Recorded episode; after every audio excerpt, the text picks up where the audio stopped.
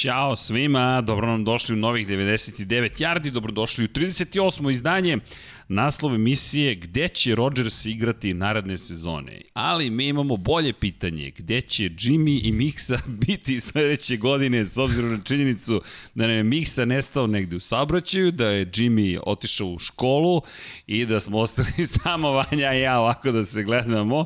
Čekamo Mixu, ali pošto je 96 vas bilo tu, rekao smo ajmo mi da uskočimo, pa pre nego što nam stigne miksa da Vanja ti ja zaključimo sve što imamo da zaključimo po pitanju Aarona Rodgersa i da krenemo polako. No, s obzirom da je ekipa spremna, ajmo da iskoristimo priliku dok čekamo našeg dragog Miksjanovića, e, a Jimmy veliki pozdrav pre svega, gospodin Ivan Nedeljković ima, ima ispite koliko ja znam, ali tako vanja, ispravimo da, da. koliko grešim. Master, čini se. Master, tako da ćemo imati Jedi Mastera od, da. od, od, od, naredne sezone u studiju. Nije slučajno, 99 yardi. Nije mu slučajno nadzimak profesor. Pa profesor, pazi, postaje master, tako da to će biti zabavno, ali dok čeka parking, pazite, potraga u Beogradu za parkingom je vrlo ozbiljna. A petak je, nije da je sezona traje, jeste draft završen, čekamo naravno našeg Mihajla da počnemo, ali umeđu vremenu pogledajte šta smo dobili, poklon od čoveka koji ima najlepše ime na svetu, zove se Srđan, naravno, i eto, dobili smo džece, a da li se to čuje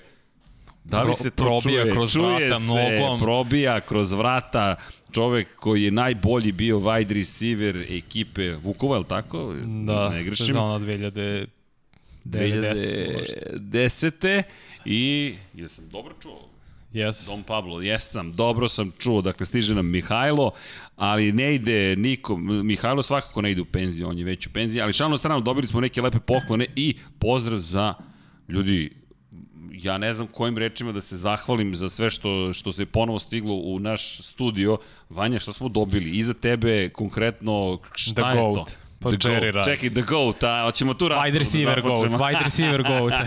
wide receiver GOAT i nemojte, nemojte zaboraviti da Da, da, da, da smo mi zaista i dalje prilično emotivni kada dobijemo ovakve stvari. Stiglo je koliko stvari. E, Mi smo, je je novo? Parker, Da, jeste Parker je to. stigao, Riceov dres je stigao. Kačket, Kačket Dolphinsa, Miami Dolphinsa. Kapa Ja- Chargers, uh, Šta, Kapa šta je još Eagles, uh, Kačket Eagles, uh, Osjeća se kao dete u... Uh, pa mislim, mislim samo, samo je to. Samo je to stiglo u studiju. Pet poklona stiglo. Znaš šta je još stiglo u studiju? Da ne kažem ko nam je stigao u Haj. studiju. O. stigao je stigao nam je Miksa. Miksa, hoćete nam se kolega pridružiti, molim vas. Ovde sa Dom Pablom neka diskusija se povela, mi pokušamo da... O Raidersima, verovatno. Da, o Raidersima, ma gotovo sigurno. Da. Pričat ćemo o tome kako su na draftu prošli, ali pre toga da, da se zahvalimo za Dan- Danilu Petroviću za sve ovo što je poslao, Danilo, nemamo reči. Dakle, mi se nadam da ćemo jednog dana moći da uzvrtimo na isti način, a direktno sa, sa kog kraja grada, nije sa Novog Beograda, sa Banovog brda, sa Labudovog brda, sa, iz kog kraja, Šta je, bro? Mihajlo Stefanović. Vidi, reci. A? Stigli pokloni. Jedan divan čovek stiga, znaš, vaš prijatelj, sada sastavni deo ekipe 99 Yardi i moj dragi imenjak Srđan je pripremio Video je da, da smo izašli na teren i rekao je niste se dovoljno hidrirali. Pazi, mi hidrataciju imamo u Lab 76, moramo da uvedemo 99 yardi. I onda je sve pripremio. Jedino ako nas Liga ne tuži za korišćenje logotipa, pa ćemo morati ovako da držimo otprilike. Ali ne, ovo smo kupili mi na, na pijaci, smo našli sa imenima našim otprilike i spremni smo. Učekaj, kada, kada pređe kadar na tebe, ko ima bolju majicu? Ja sam u ludilu, a ti si u vežbanju. Pa znaš, znao sam unapred da stiže neka hidracija i onda sam morao da se ovaj, ishidriram, čekaj Vanja da... Vanja te šalje na, na sredinu stola, va, o, potpuna dominacija kadra. Ja i moj brat Bengal. To je Dekija Potkonjak, pazi. Dekija Potkonjak je bengalac, ali obuko je dres Jerry Rice. Rekao je da će se držati Lab 76 i Kosmosa, ali ja mislim da bi mogo da nam dođe u 90. Ej, mogo je večeras, tamo bi bila idealna prilika, Jimmy nam nije bio tu. Eto vidiš, ne- neiskusno si odradio Ne, ne iskustvo scouting. sam ja odradio. Hvala ti na tome. Ej, ja imam dve, ovo je za Jimmy-a. Tamo, o, dobro su ptice, mi letimo mlaznim avionima. No, Čekaj bre, po kojoj Jesmo stigli, Vanja? Jel sad sve okej? Okay? Jesmo se setovali? Dom Pablo i dalje ne daje dozvolu da krenemo, ali mi smo morali da uđemo da ispoštujemo i da Aha. kao krenemo na vreme. Ako i treba. Pazi, petak je, može uvijek malo treba, poštenije. uvijek treba krenuti na vreme, ne, nego ovaj Parkins i ovaj Čekali Haas. smo, čekali smo, pazi, ja, ja sam taj koji je kasnije je li to Jimmy na majici? Šta? E, to Jimmy Pa, na majici. Jimmy bi volao da je ovo. Ali nije. No, hoćemo da krenemo. Može? E, dobro nam došli još jednom. Ili ti ćao Čekaj, svima. čao svima. Dobro, došli sad. 99 yardi 38. Kažu, bit će diskusija kao za Edelmana večeras oko Rodgersa.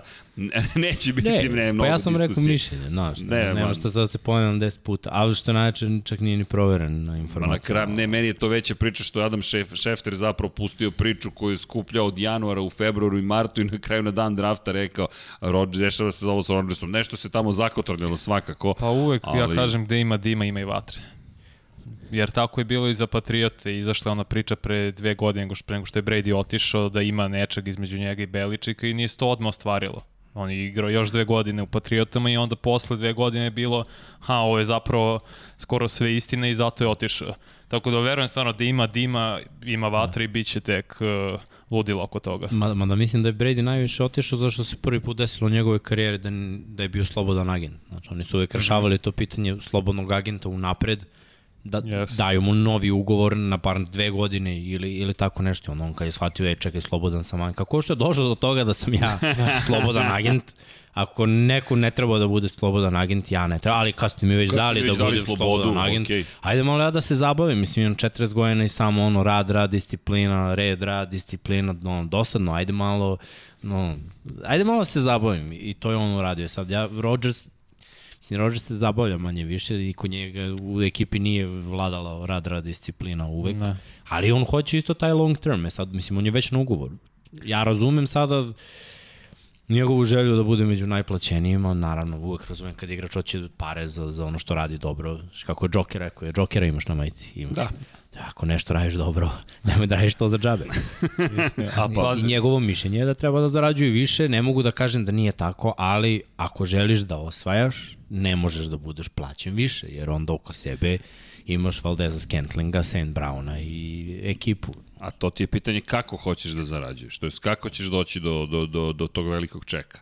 Kad Ako mu State više- Farm nije dao ček, e onda stvarno ne znam. Pa, realno je, ti si totalno pravo što tiče Rodgersa i da želi više para, ne razumem ga zašto želi, ima stvarno i sa strane odakle da nabavi više para, a ovde meni užasno iritira strana Green Bay-a, to je strana generalnog menadžera koja je kako da se izrazim, da kažem dvoličan, u smislu draftovo si novog quarterback, okej, rastavi se s Rodgersom. Nemoj da govoriš, e pa ne, mi ipak hoćemo njega, još ovu godinu, još onu, draftovao si quarterback, idi sa njim dalje.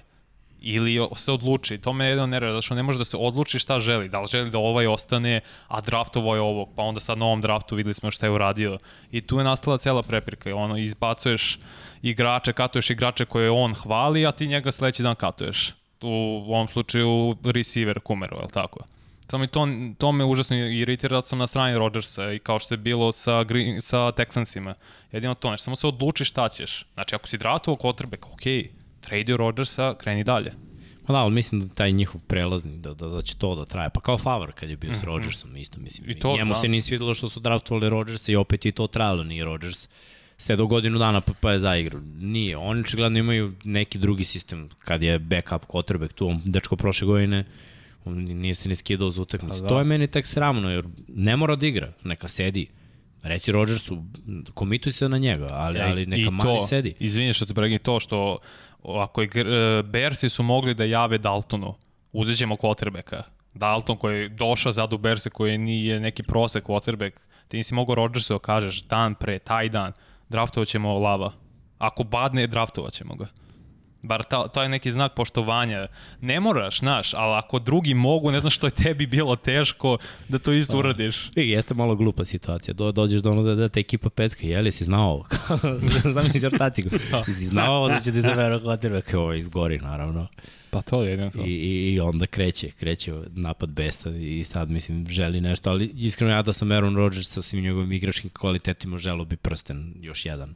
Želo bi da dodem u Super Bowl još jednom, a, a ne da, da uzmem više para jer mislim ako neko zarađuje, on i Dak zarađuje, mislim u svakoj su reklami, i Peyton Manning. Znači, ja Brady-a za celu karijeru nisam vidio u reklamama koliko je Rodgers snimio, znači discount double check, pa ono, jedna, druga, treća prozivali su ga za generacija. taj ali double neka, check. ej, ali, I to je okej. to je lova, brate. To je ozbiljna e, lova. Čekajte, ajde kad pričamo o parama. Inače, poznajem Warda Prausa i samo da vas pitam, ma, digresije, ljudi, petak je večer, aj malo se opustimo, da ne bude skroz sve mega ozbiljno. E, Da li znate ko je Šturla Fagerhaug? Pazi, nema šanse da znate. Nema. Ward Praus prozivku bacao je iz Red Bullovog kupa Novajlija. Spomenuo Šturlu Fagerhauga iz Norveške. Samo sam čuo štrudle i ogladno sam odmah ti. E, znaš ko je, čekaj, ajde, znaš ko je vitez od kisele štrudle? A, Kako kisela štrudla? Kung Fu, au, umpah paha niste čitali. Jao, moramo da nabavimo komplet umpah pahova. Ali dobro, to va, vidi, jesi gledao Star Wars? Ne. O, Znaš da ni, ni Jimmy ni ja nismo. Order, ja Već su ti padale rekao. prozivke za to, to. to moramo da, da, da, moramo da sredimo. Da, ne, da se ne vraćamo na to, ali Ward Prowse, Sturla Fagerhaug, ne znam gde je, ali da, Sturla Fagerhaug, norveški vozač koji je vodio sa preko 50 pojena prednosti 2009. u Red Bullovom kupu Novajlija i nije osvojio titulu. Ali da se vratimo na Rodgersa o neosvajanju titula, e, ljudi, on je preko 240 miliona dolara zaradio tokom karijere. E sad, moje pitanje nije sad samo novac, ti ćeš imati četvrt milijarde dolara, naravno pre poreza, kad te oporezuju doći ćeš do nekih samo 100 neto miliona dolara, ali opet to, je, to su neki basnoslovne sume. Pre pitanje je sujete. Sad, šta je sujeta? Sujeta koliko sam plaćen u odnosu na druge ili koliko su drugi ispoštovali timovi svoje quarterbackove ili titule. Ja mislim Prvo. da je drugo. Iskreno. Ja ne, mislim da je kombinacija jednog i drugog. Ne, ima, ima prvog. Prvog mora da ima. To, to je, gled, to je neki prestiž koji uvek, naš hvatači mm -hmm. kakvi su. Da, Hvatači najbolji. quarterbackovi, to su dive. Ali jeste, u yes. nema to, redko ko je drugačiji. U njima je u glavi, čak je se desilo par godina i running backovi da su imali, ali okej, to, to Dobro, to, ona era 2000 i da, da. b- brzo je to bilo završeno jer mislim menja se futbol, ali danas Julio je plaćen više od mene, hoću ja da budem plaćeniji od njega. Deane Hopkins je plaćen, hoću ja više, mislim, ono, ko je najbolji? Ako mi ne plate, onda oni ne misle da sam ja najbolji, da. onda idem u drugi tim i onda tako daje, isto kotrebe koji. Znači, ima i ovog drugog što Srki Ali kaže. prvenstveno to, ne, ne, ja ne vjerujem da on gleda lava kao konkurenciju Ne bilo gleda šta, lava, da. nego samo to što Ja mislim nije da gleda rečeno. Mahomesa. Mahomes je dobio ljudi 45 da. miliona. Da. Ja sam na 33 i po... Čekaj. Znaš, 40 je dobio Prescott. Hm. Čekaj, gde Gledaj, sam ja u toj Mahomes, priči? Mahomes ne može da ga boli iskreno, jer je Mahomes za tri godine uradio više nego što je Rodgers uradio. Znači, on je bio MVP, ima svoj jedan Super Bowl, je bio u drugom jedan. Super Bowlu, i bio Da. u igru finala konferencije. Rodgers je igrao Za- jedan Super Za Bowl. tri Da, godine on je uradio više nego Aaron Rodgers za deset. Dobro, ali Prescott? Ali Prescott nije ništa uradio. Prescott je bio dva puta u play-offu, mislim. To je za Jednom od tih izgubio baš od Rodgersa i. Green Bay. Da, da. Mislim, hoću samo da kažem, da, ali gledaj, ugovori idu tako. I, I malo nije fair da se žališ na ugovor koji si, mislim, ti si potpisao taj ugovor u tom trenutku kada si ga potpisao, bio si jedan od najplaćenijih. Najplaćeniji, da se odmah I onda, razumemo. okay, ide sledeća godina i sledeća, mislim, timovi ovo rade da bi quarterbackovi potpisivali to na 4-5 godina. On je potpisao 2018. godine. I, i razumeš, i posle 3 2023. godine sad je, he, he, he, ček, ček, sad ja hoću 40. Pa okej, okay, nije problem što ti hoćeš, ali mislim, potpisao si na ovoliku. I hoćeš i da osvojiš i 50, hoćeš i hvatača dobrog i running backa i da imaš odličnu odbranu, pa ljudi, kao biste vi znali šta ja sve hoću u životu. Pazi, en, ide tako. quarterbackovi u NFL-u sve više su, oni su najpribližniji NBA zvezdama. Da imaju tu vrstu moći. Imaju. nemaju skoro, nemaju još, jer da imaju Rodgers bi već bio tradovan ili već bi dobio novi ugovor. Jer i dalje je više NFL vlada, logo vlada NFL-a, taj shield zapravo. Dok je u NBA drugačije, ali oni koračaju ka tome da budu i mi smo super zvezde kao i ovi, zašto mi ne možemo da diktiramo šta ćemo mi da radimo, gde, gde ćemo da igramo i to. Da, u NBA-u malo drugačije to su, s ugovorima zbog, zbog novca i kepa. Znaš, Da. u NBA-u možeš ti lako da napraviš da imaš tri jako plaćene igrača i ove druge da nemaš. Ali problem u NFL-u dolazi što stvarno mora da imaš odbranu koju ćeš da osvojiš. Znači mora odbrana da nosi neke ugovore. Osim ako nekim čudom nisi draftovao 10 ubica u odbrani, e pa on- onda ti je lagano jedno, dve, tri sezone. Ali koliko puta se to desi? To se desi jednom u 20 godina da neko sklopi sjajnu odbranu, a da su igrači na ruki ugovoru ili neki veterani koji imaju neki ludački motiv. A, da, ma to je ovo, sad je glavna priča mladi quarterback koji na ruki ugovorima. Pa. I sklapajte im, imaš 3-4 godine fore. Tako je, to svi diskutuju o tome, da za 600.000 dolara ti dobiješ quarterbacka, oslobodiš tamo cap, to, to je pogotovo priča i, i o San Francisco je to priča u suštini. Dakle, da ti tako može da zadržiš ljude koji dolaze polako na obnovu ugovora, a ti ugovori će da budu prilično skupi. Ti kada pogledaš Pa bosu treba platiti. Pa sve ih treba Kako, platiti. Sve ih treba, jer, jer, se. oni su došli do toga da već talent odlazi. Ne može talent da. da odlazi zato što nam je quarterback plaća, na quarterback nam je ono mediokritet manje više. No, tu je negde na, na polovini ligi. Na, na, napolju... Da, ne ruše nešto, pazi. Batman i, i, pazi. i Joker se gađaju. Joker su krenuli u akciju. Da, dakle, dosta smo toga uradili, nismo baš očekivali da nam ruše zgradu. Okej, okay, noviteti, noviteti. Da, ali dobro. Ne znam, ja sam ovde, tako da mora da je Batman poludeo. Jednostavno, traži me negde u celoj ovoj priči. Gde si Koga si poslao? Koga si poslao? ja ti kažem, zelena kosa će da padne na kraju. Ništa tu nije slučajno. Da, ali a, kada govorimo o Aaronu, Aaronu, Aaronu Rodgersu, čovek je hteo, ne hteo, Šefter ga je lansirao u glavnu priču, ali sad pazi, Šefter je priznao da je zapravo nije imao nove izvore, priznao je da nije dobio nikakve nove informacije, Adam Šefter spada među prilično pouzdane, do sada je spadao, on i Jan Rap, Rapaport, to su ljudi koje kada čuješ da nešto govore, držiš do toga šta su rekli. Za Šeftera je ovo za njegovu reputaciju vrlo ozbiljan udarac, ovo nije šala. Ti si izmislio bukvalno priču, dakle ti si sklopio nešto i, to, i ti si spekulisao. A čekaj sam pitanje, je li to sklopljeno mesecima da je, samo da, da, da skapiram, da, da, da. mesecima sklopljeno, istinito. Ili nije ni potpuno... Znaš kako, Vanja, te se sećaš šta si rekao u januara, na primjer, u nekom razgovoru sa Miksom i sa mnom? Ok, kapena na koga. On je iz januara uzeo izjavu, sklopio kao jedan deo priče, to ona izjava posle poraza u finalu konferencije, mm. onda uzeo drugu priču iz februara, to je drugu izjavu, jasne, onda treću, jasne. i nije dobio novu informaciju na dan drafta, već je rekao ja ću sada ovo što sam sklapao tokom prethodnih meseci da pustim. I ono što je veoma važno, novinarstvo nažalost na našim prostorima se dosta srozalo, ali u suštini kada postoji, kada mediji poštuju sami sebe i kada on, onda stiču, sam, mm -hmm. stižu poštovanje društva i kada društvo poštuje medije, mnogo je važno to što ćeš ti da kažeš. Šefter je napisao na osnovu izvora iz lige, iz konkretno NFL-a i iz izvora iz ekipe je došao do toga da, do informacije da Aaron Rodgers nije, Aaron Rodgers nije zadovoljan. E sada, to je možda se desilo pred dva meseca ranije da je neko rekao, je vidi, Rodgers nije zadovoljan. Ok, to je bilo pre dva meseca, si pozvao tog jutra i pitao, mm -hmm. je, da li Rodgers još uvek nije e, zadovoljan? To sam teo da pitam, da li, da li je zapravo, neverovatno mi da je Šefter koji je ozbiljan novinar, Jeste. godinama već, da nije tražio neku vrstu odobrenja Meni je to nevjerojatno da on nije se čuo pa, ili sa lagao. Rodgersom ili sa njegovim agentom na taj dan. Znaš kako, on to, nije to lagao. To mi samo nerealno i deluje. On, pa, to, to ono što je čudno, ali on je to priznao i to podcast, e, ne zaboravio sam sad tačno da, koga je pitao, da li Dan Hanzus ili ne, ali ga je pitao, ok, e, ne Dan Hanzus iz, iz CBS-a, ali je pitao da li mi ti to govoriš da ti nisi imao nikakvu novu informaciju tog jutra drafta kada si pustio? On kaže, ne, nisam imao ništa novo. Je, obično kriješ izvore i rekao mislio sam da će da sakri izvor, Šefter je sam rekao, ne, nisam imao izvor, on nije imao nikakav izvor informacije. To je njegov zaključak, to ono što si ti Miksa napisao u grupe. se za like. Tako je, to je spekulacija. I sad, pazi, on je izbio u vrh, ja mislim da sada Šefter preventivno, to je samo moje mišljenje, nemam nikakvu informaciju, nisam čoveka zvao, pitao, nisam utražio povratnu informaciju. Aha, nemaš izvor. ne, ali, ali, ali ja napomenju, ovo je samo moje razmišljanje, moje, mm. moje, maj, moj, moj zaključak, moja spekulacija, da zapravo sada kad si upao u vrtlog jedan koji mislim da nije očekivar, šta se desilo posle toga?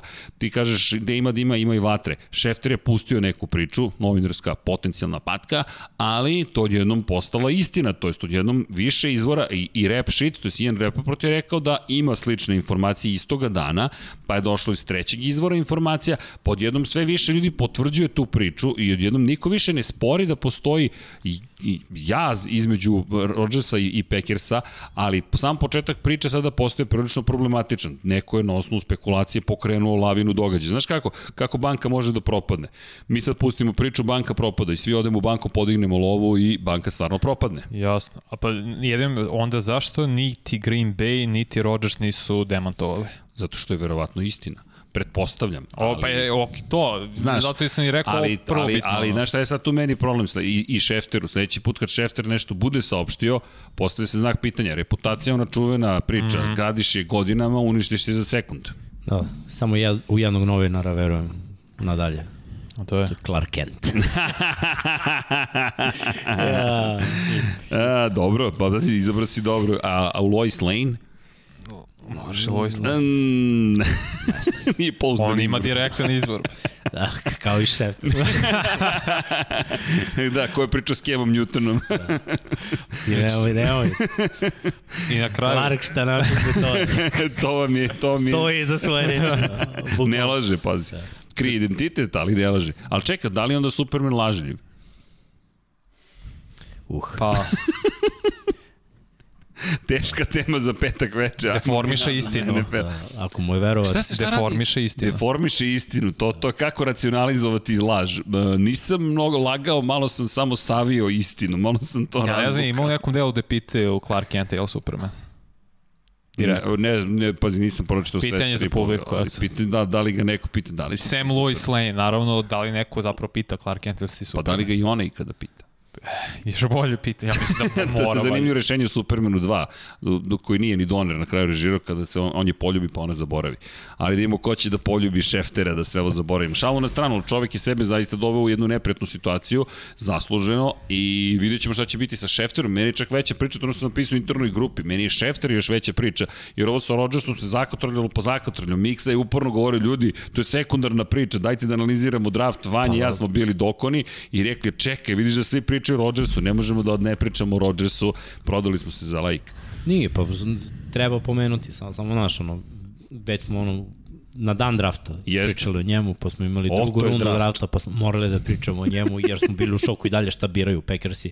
Pa smo, tako, pa smo onda došli do, do podcasta, pa smo opet pričali o njemu i evo ga i danas opet, ako mu je cilj bio da pričamo o njemu, eto, okej, okay, Pri, pričamo. pričamo o njemu, definitivno pričamo o njemu.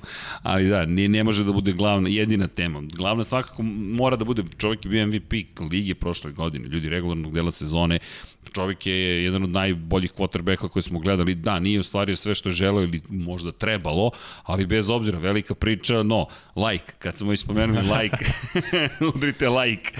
A, idemo mi dalje. Analiza NFL drafta. Naravno, postavljat ćemo pitanja, verujem da ima mnogo ljudi i mišljenje i pitanje je vezano za Rodgersa i šta će biti, neće biti. E, dajde da vas pitam, šta vi očekujete? Gde će Rodgers? Pa ili Green Bay ili penzija, to je ono što ja očekujem. Niko, ne, znaš, ni, niko nema situaciju da prihvati 40 miliona. Stvarno niko nema. Niko nema tim spreman da prihvati kotrbe ko 40 miliona i dosvoji za godinu dana. Tih timova više nema.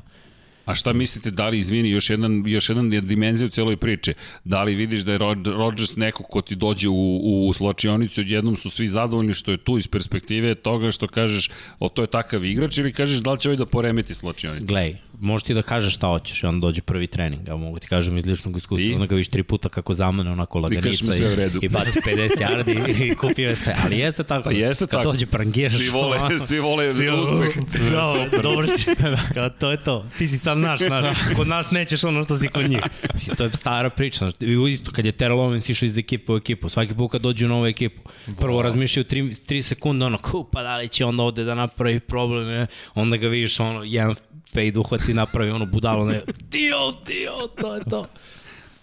Ta, pretalentovani igrači, naš, uvek, su prihvaćeni. Može im se. Kupe ljude, prosto kupe. To je, to je, pa ne znam, ja Završi vidim- posao. Da, ja vidim možda tri ekipe, Denver, Miami, Washington, koje mogu, koji imaju sve ruki quarterbackove sa ma malim platama, koji mogu da ga priušte. Washington možda deluje kao najozbiljnije, možda najspremnija ekipa zbog konferencije da se bori za titulu, ali Miami nije daleko. Ra- Razlika između Rodgersa i Tue, sad kada ubaciš Rodgersa umesto Tue, Miami postaje ozbiljna, ozbiljna ekipa. Pa jeste, ali s prozorom od godinu dana. Da, Je- možda je- dve maks. U Miami možda će dve. da dođeš do toga da moraš sve da ih platiš. No, 50% ekipe će da ode ako Pa to je to pitanje na ovu godinu. Miami je sad spreman da dove, ako bude Rodgers, sad napada i sledeće godine pokrpi se, snađi se. Zato ja poredim ono sa, sa Carsonom Palmerom koji isto bio u fazonu mm. -hmm. dok je za Cincy igrao. Neću da igram, idem u penziju ili me tradujte. I oni nisu htjeli da ga traduju, on je otišao čovek u penziju i kad su kazala Arizona, Arizona je bukvalno falio quarterback za Da. play-off, on je došao, doveo ih je do play-offa, ali eto, nije imao dovoljno u sebi da, da ih odvede na neki viši nivo, a ekipa je da kažeš bila spremna. Šta se desilo sledeće? Igrači su morali da odu zbog kepa. Nazdrav. Da, I nakon toga Istina. ostade Arizona onako na dnu lige, Jeste. dve godine za redom top 10 pik. Rodgers može uvek Jeopardy da vodi, a, a verujem da... Čekaj, prema što skočimo na Jeopardy, imam ja pitanje za tebe, a zašto ne Chargersi? Ne, zato što je Herbert budućnost. Ne, ne, pa samo pitam, vi imate mladog quarterbacka, Da nije imate igrao 20 ovako miliona dobro, dolara. da nije igrao ovako dobro, Herbert ne bi ga sad stvarno menjao. Ni za šta. Ne, to je pitanje za, koga. tebe, s za obzirom na činjenicu da, za koga, da, ni za koga. pazi, Rodgers, Ne bi volao da bude u Denveru, to bi bio pakao tačno, ali ne, ne bi ga menjao. dobro, zanimljiva divizija bi to bilo. Ima Holmes Ajde i... bre, mani me, nek tamo ostane u NFC-u. ne želiš da dođe u AFC. Što bi želao. Imamo, ne možemo Mahomesa da dobijemo. Sad samo još Rodgers Rodgers nedostaje celoj priči. Ja, ali, ali pazi, može da se desi. Mada ja mislim da si ti pogodio, da ili penzija ili, ili Green Bay. Jer ne, znaš, koliko god se ovde pričalo o svemu, ja, koliko god i on, pa ovo njegovo ćutanje ti isto neka vrsta poruke, znaš, on ćuti čovjek, ne, nije da je išta opovrgao, nije da je išta potvrdio. I mislim da je zauzeo dobru poziciju u sebi, ne kažem da je to nužno najbolja stvar, ali dobra je pozicija, možeš uvijek da kažeš, moj ljudi niste time da. da se bavim, mi nastavljamo dalje kao ekipa, ja i ćao. Samo ću dodam ovo, pa možemo da završimo. Rodgers je u povlašćenoj situaciji. Green Bayu je više potreban Rodgers nego Green Bay Rodgersu, ajde da kažem. Realno, pa on ima i druge opcije, on bi i zaradio sve pare koje mogu da zaradi, 240 miliona kao što si rekao, ima verovatno i drugi obezbeđen posao. A On baš je- mu treba posao. I to i ne treba, pa i to kod- ne treba, realno. Kuće. Green Bay je se pa to, pritom. Da, dakle, ide u Njemu nedostaje Kalifornija, on je odatle, mislim da ti živiš 9 meseci u Green Bayu, tamo u Wisconsinu. U tundri. U tundri, pa da, bukvalno. Pa dobro, ali to je opet ekipa koja je legendarna, znaš, nije Jeste. svako quarterback Green Bay Packersa, ti si nasledio takođe legendu Breta Farva. To je neka druga priča, ali to godine čine svoje. 2008. su imali isto ovu dramu, pa onda u Jetse, pa onda u Minnesota sa Farvom, pa ta mržnja čovjek kad je završio u Pa Minnesota. više, Farve je bio malo drugačiji tip. Opet dolazimo do toga, samo je malo glupo što ću iskoristiti ovaj žargonizam, ali ono, bitno je šta te loži.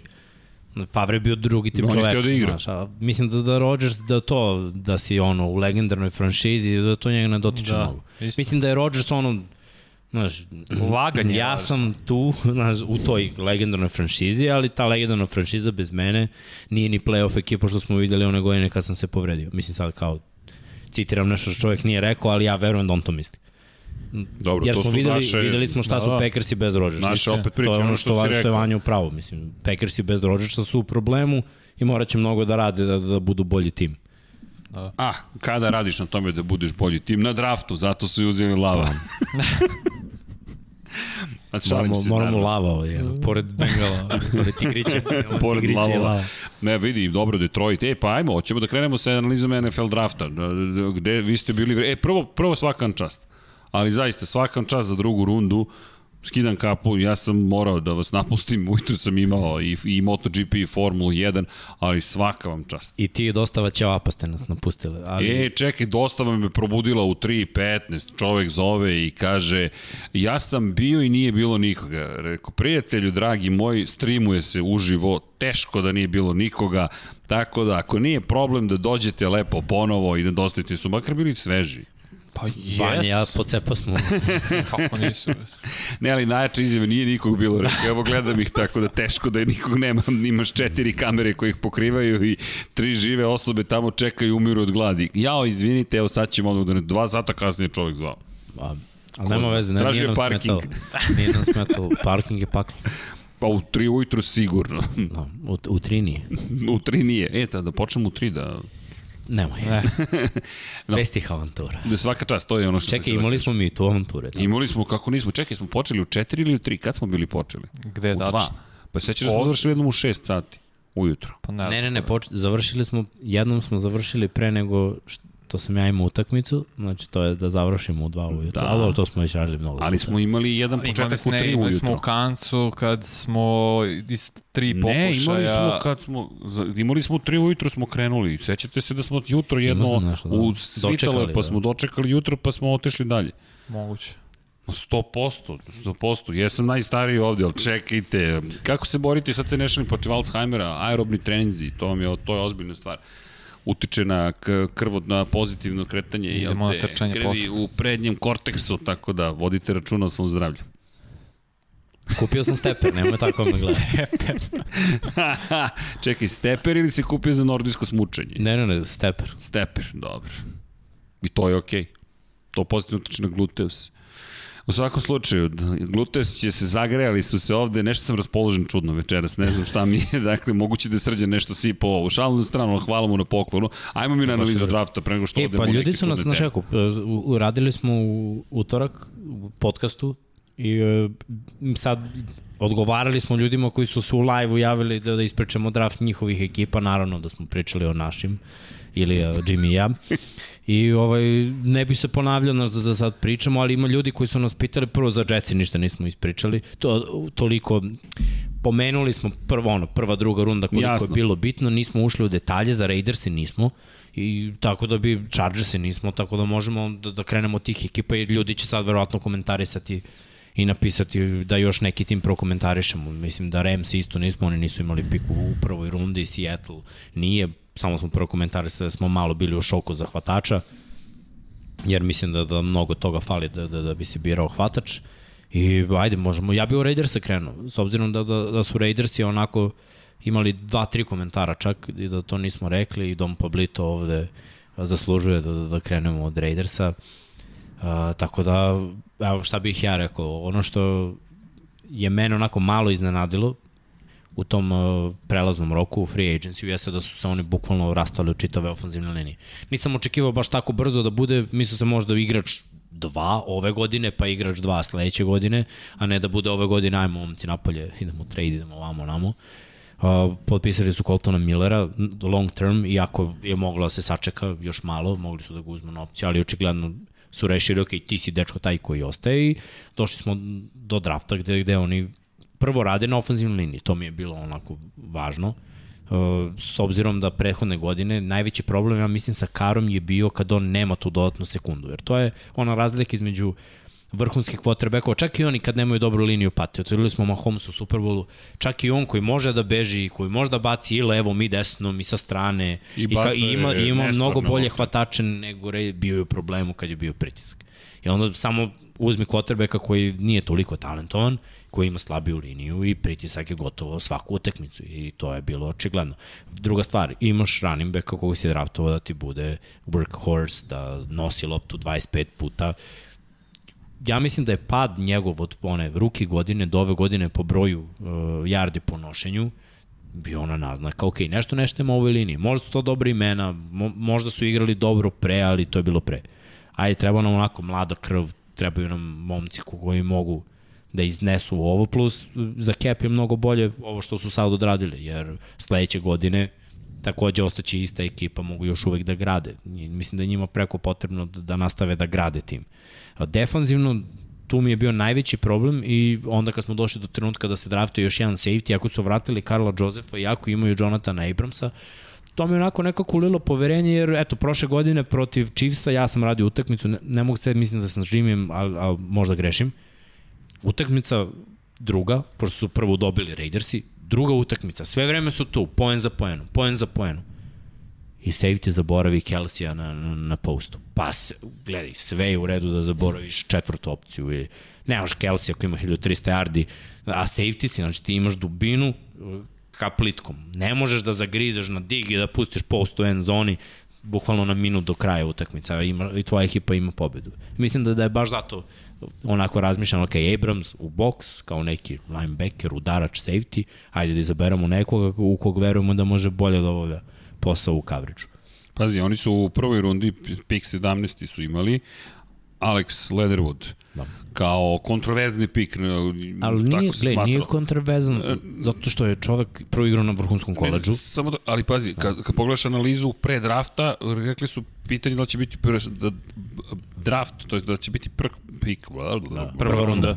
Prve runde. Da, da. nešto čudan. Pa gledaj, ali, ali to su ono ocenjivanja ljudi, ok, zašto nije pik prve runde, nije igrao, bio je povređen ok, mislim, koliko, već da nabrojimo 20 igrača Ali oni su, su baš da... njega hteli.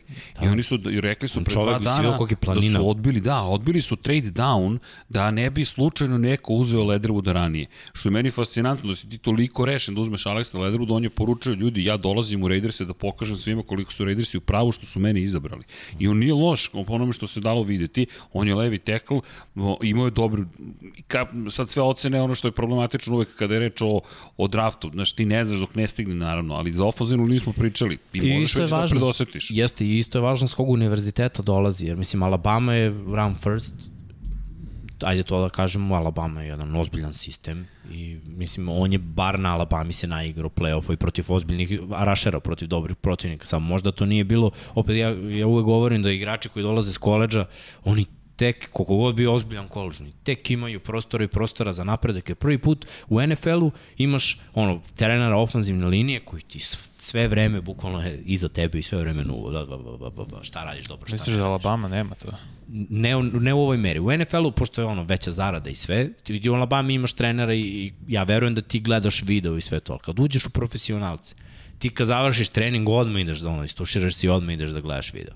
I onda odmoriš malo ili ideš u teretanu, pa onda opet imate video Drugo, ti timski. nemaš više časove, tebi je fokus jedan jedini. Jer, ti ali ima, imaš i šta- poziciono da gledaš Tako video, je. imaš kao napad da gledaš video, imaš onu implementaciju akcije, ono, i bukvalno je Čak samo ni ne video, glumiš da ti video, više video. nije futbol jedina stvar na svetu. Ako hoćeš da uspeš, zna se, to je Mora ti jedino. bude. Pa fo, po, fokus je takav, zato se i zove profesionalni futbol. Ti si plaćen da se time baviš. Plus na koleđu, znaš, ti je, imaš trenere i imaš želju da dome, ali dođe prva utakmica, ne znam, ajde da kažemo protiv koga je Alabama igrala ove godine.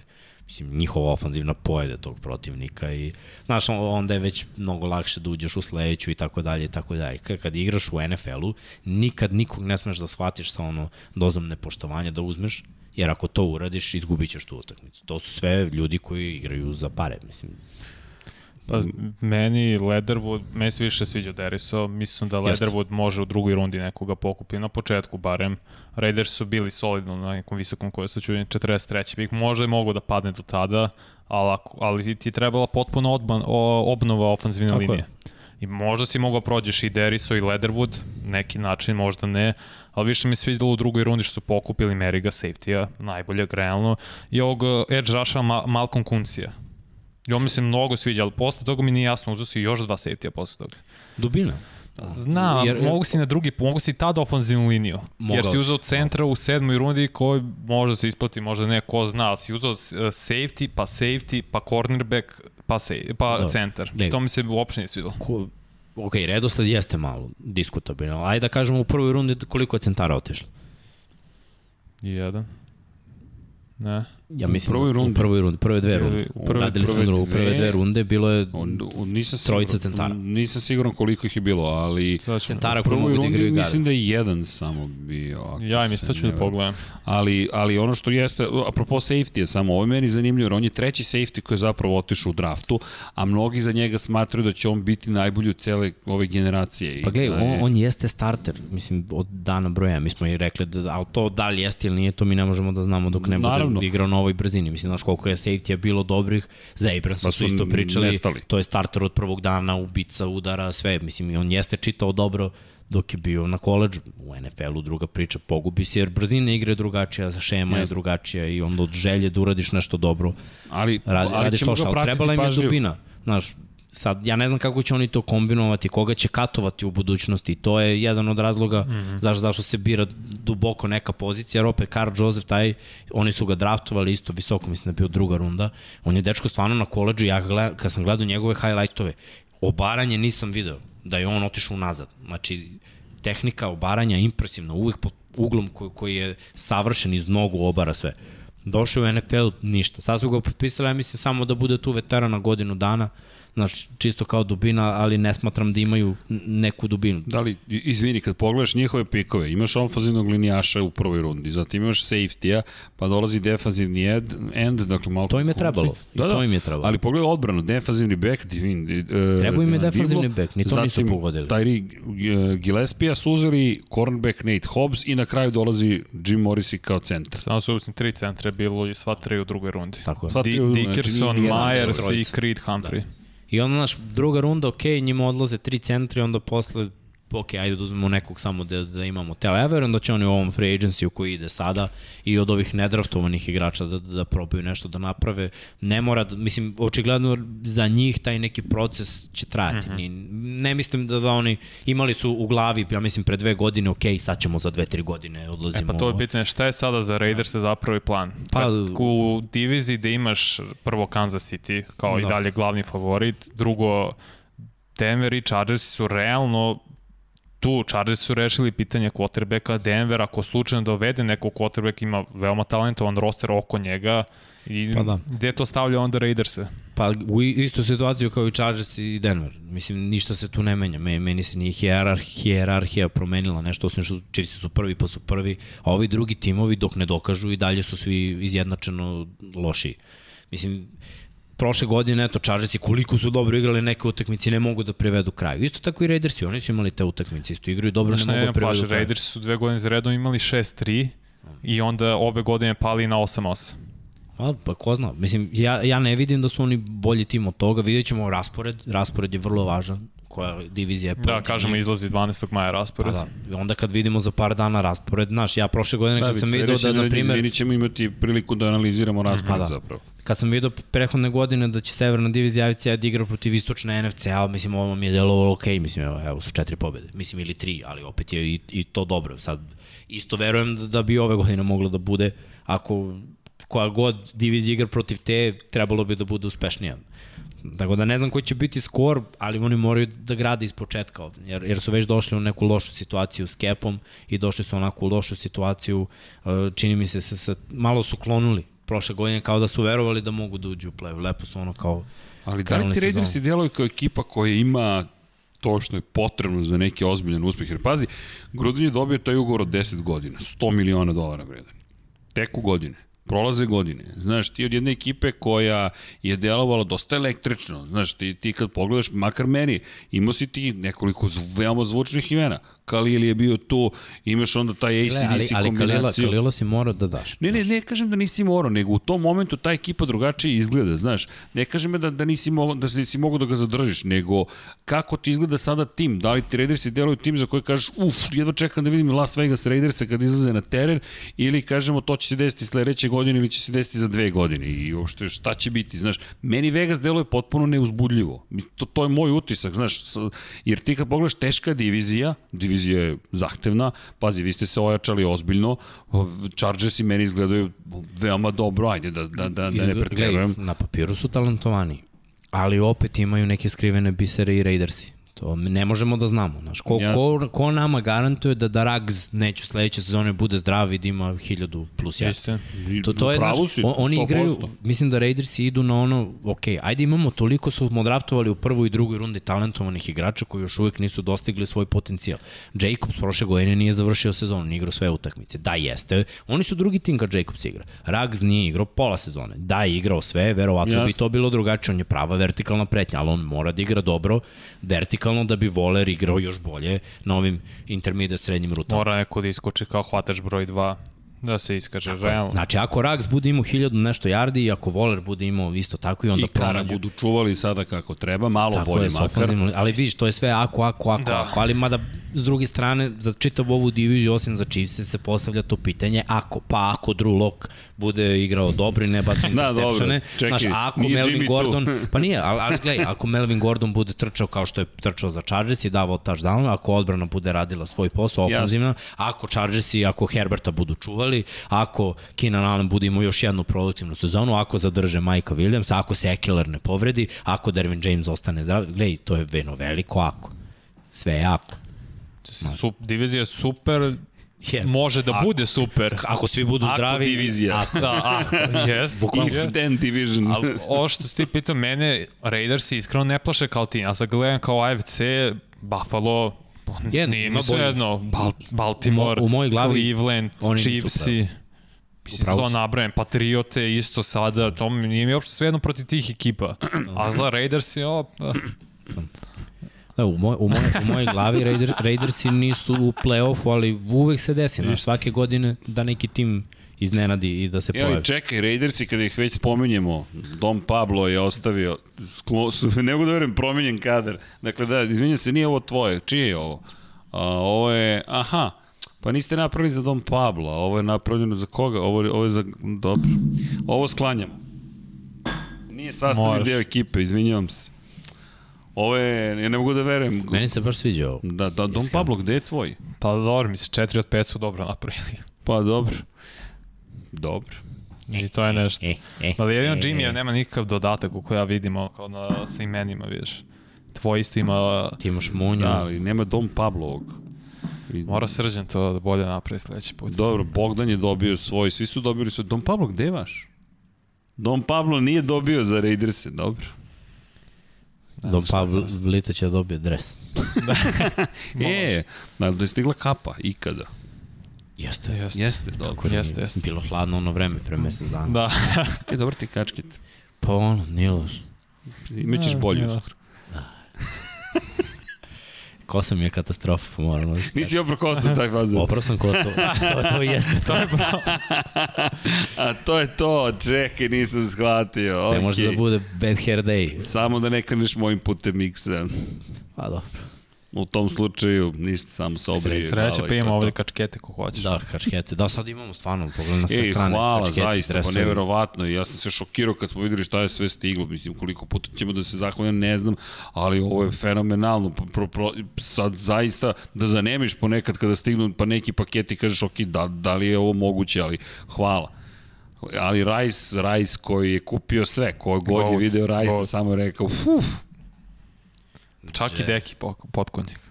Si vidio sliku? Video sam kako ne, rekao je, ko ne prati Dekija Potkonjaka, zapratite ga na Instagramu. Ne, davno mu to nisam uradio da stavim da ga ljudi zaprate na Instagramu, ali zaista vredi. Deki Potkonjak je jedan prvo kulturan čovek, čuveni urednik i novinar i neko ko radi u Lab 76 i u Kosmosu 76 i ko je mogao baš večeras da nam dođe u 99 Koji voli. Cincinnati i... Da. E, pa oni su odradili isto. Ono, E, možemo solid- Cincinnati da se posao. dotaknemo.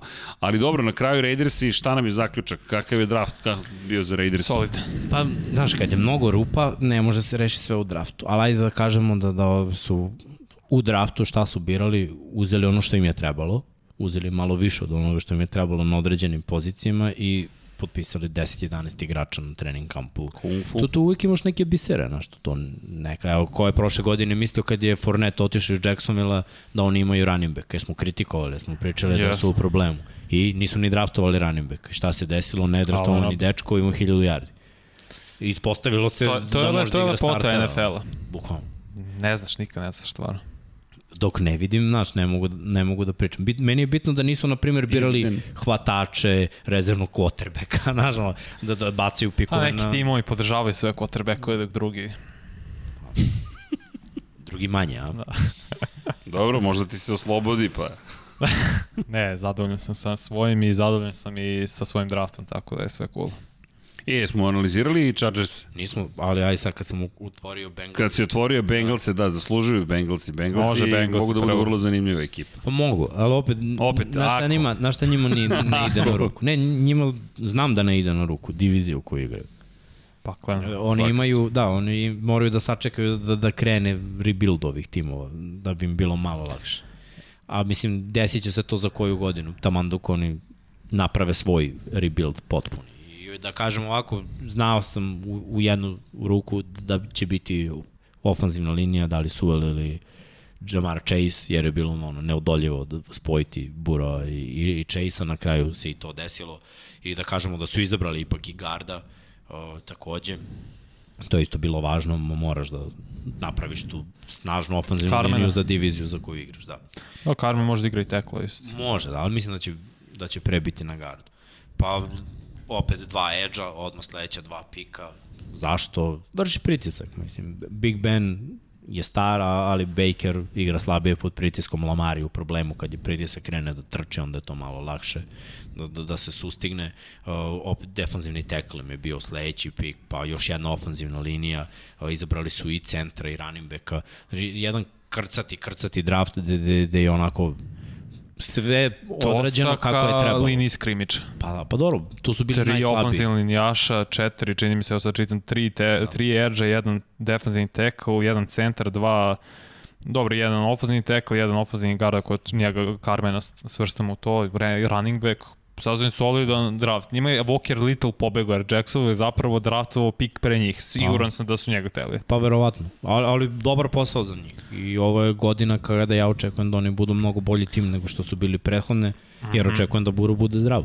Da. No, meni su oni delovali u početku, tačno se videlo da nije onako, da se nije oslobodio i taman protiv Brownsa kad se oslobodio, došla on utakmica To je ono, protiv protiv te Washingtona. neke ekipe koje je bila tu negde sa njima, ta, tada Browns, Pa da. da. se razumem tada. Posle Browns je skočili, ali ja vidim njih Pogledaj, u rangu... da je tu pobedio u mojoj glavi nekako, to, ta utakmica druga je bila oskočna daska jer su se igrali onako blizu. Ja vidim uh, Cincy i Pittsburgh da su ravni, da su tu bore to treće i četvrto mesto. Ove dve ekipe, Baltimore i Cleveland, mi su ubedljivo m, bolje od i Pittsburgha i Cincy i to će se vojiti bitka za prvo i drugo, ali Pittsburgh mislim da će pasti ove godine i da će on i Cincy biti to ko će na kraju završiti na dnu. Jer nije mi toliko Pittsburgh bolje od Cincy uopšte. Uh, pa meni je U- bolje. defanzivno Nije- Nije mi jeste, samo al- ofanzivno linije bolje, ali od, odbrana im je ono. Odbrana- Pa, ajde da kažemo ovako, mnogo su iskusni. Jesu. Imaju, imaju to što, što Cincy nema. Što se, bi izabre Bena sada ili Baro. Pa znaš kako, Sada, sad za uziš 2000 budućnost i za, i za Ne, ne, za ovu Za sezonu. ovu sezonu, pa Benom. Ja ne znam kako će ovaj da se vrati od povrede. Ja ne znam ja kako će Ja Ben da da li on- igra, koliko se još snage ima u ruci. Pa da, mislim, I sa ov- ovoznom linijom koja je nova, koja je, Stoji, ali- ne znam kakva je. ali nije bolje ni ovamo. Na, jer Meni je malo bolje, je, iskreno. jedan i drugi tim imaju veliki problem, to je nedostatak trčanja. Mixon prošle godine nije postojao, a Mixon obično postoji, on ima 1000 yardi. Nije Da njega postojao. uvek uzmeš Da. u Pa, fantaziju i miran A si. prošle godine problem. Onda Najee Harris, znaš, mislim i za koga će da trči. To je nešto što obe ekipe moraju da porade. Bukvalno mi nije ni pitanje koji quarterback. Nego ti- koja, koja odbrana i koja trčanje. Ti si pričao o tome koliko treba centru i quarterbacku da napravi hemiju. Ben je izgubio svog centra. Jeste, ma znam, to je... Baro bar ima šest utakmica koliko već igrao, nije bitno, sa svojim centrom i imaće sad. Ne, meni je jedino diskutabilno za njega kako će se vratiti. Ono što je, gledao sam mnoge quarterbackove posle prednjih ukrštenih. Nikad ne igraju isto. Red, redki su quarterbackovi ko, Ali koji... koji su to? Ajde sam da... Pa gledaj, čak je i Tom imao dozu rezerve kad se vratio posle ACL. Ok. On mi je bio ono prvi. O- 2009. da, mm -hmm. jedan od njih. Naprimer, uh, Sammy Bradford, kad se vratio, koji je bio ruki godine, mislim, aj to da kažem, on je u ruki go, sezoni pokido, svaka, druga sezona, znači, od povrede mu je bila sve onako s dozom rezerve. Ali gledaj, Čekam, Bradford čekam, kad čekam. je izlazio na draft, svi su uvek to konstatovali, no kao staklo je. I bilo je bukvalno pitanje vremena kada kolena su Pa mu kao od stakla.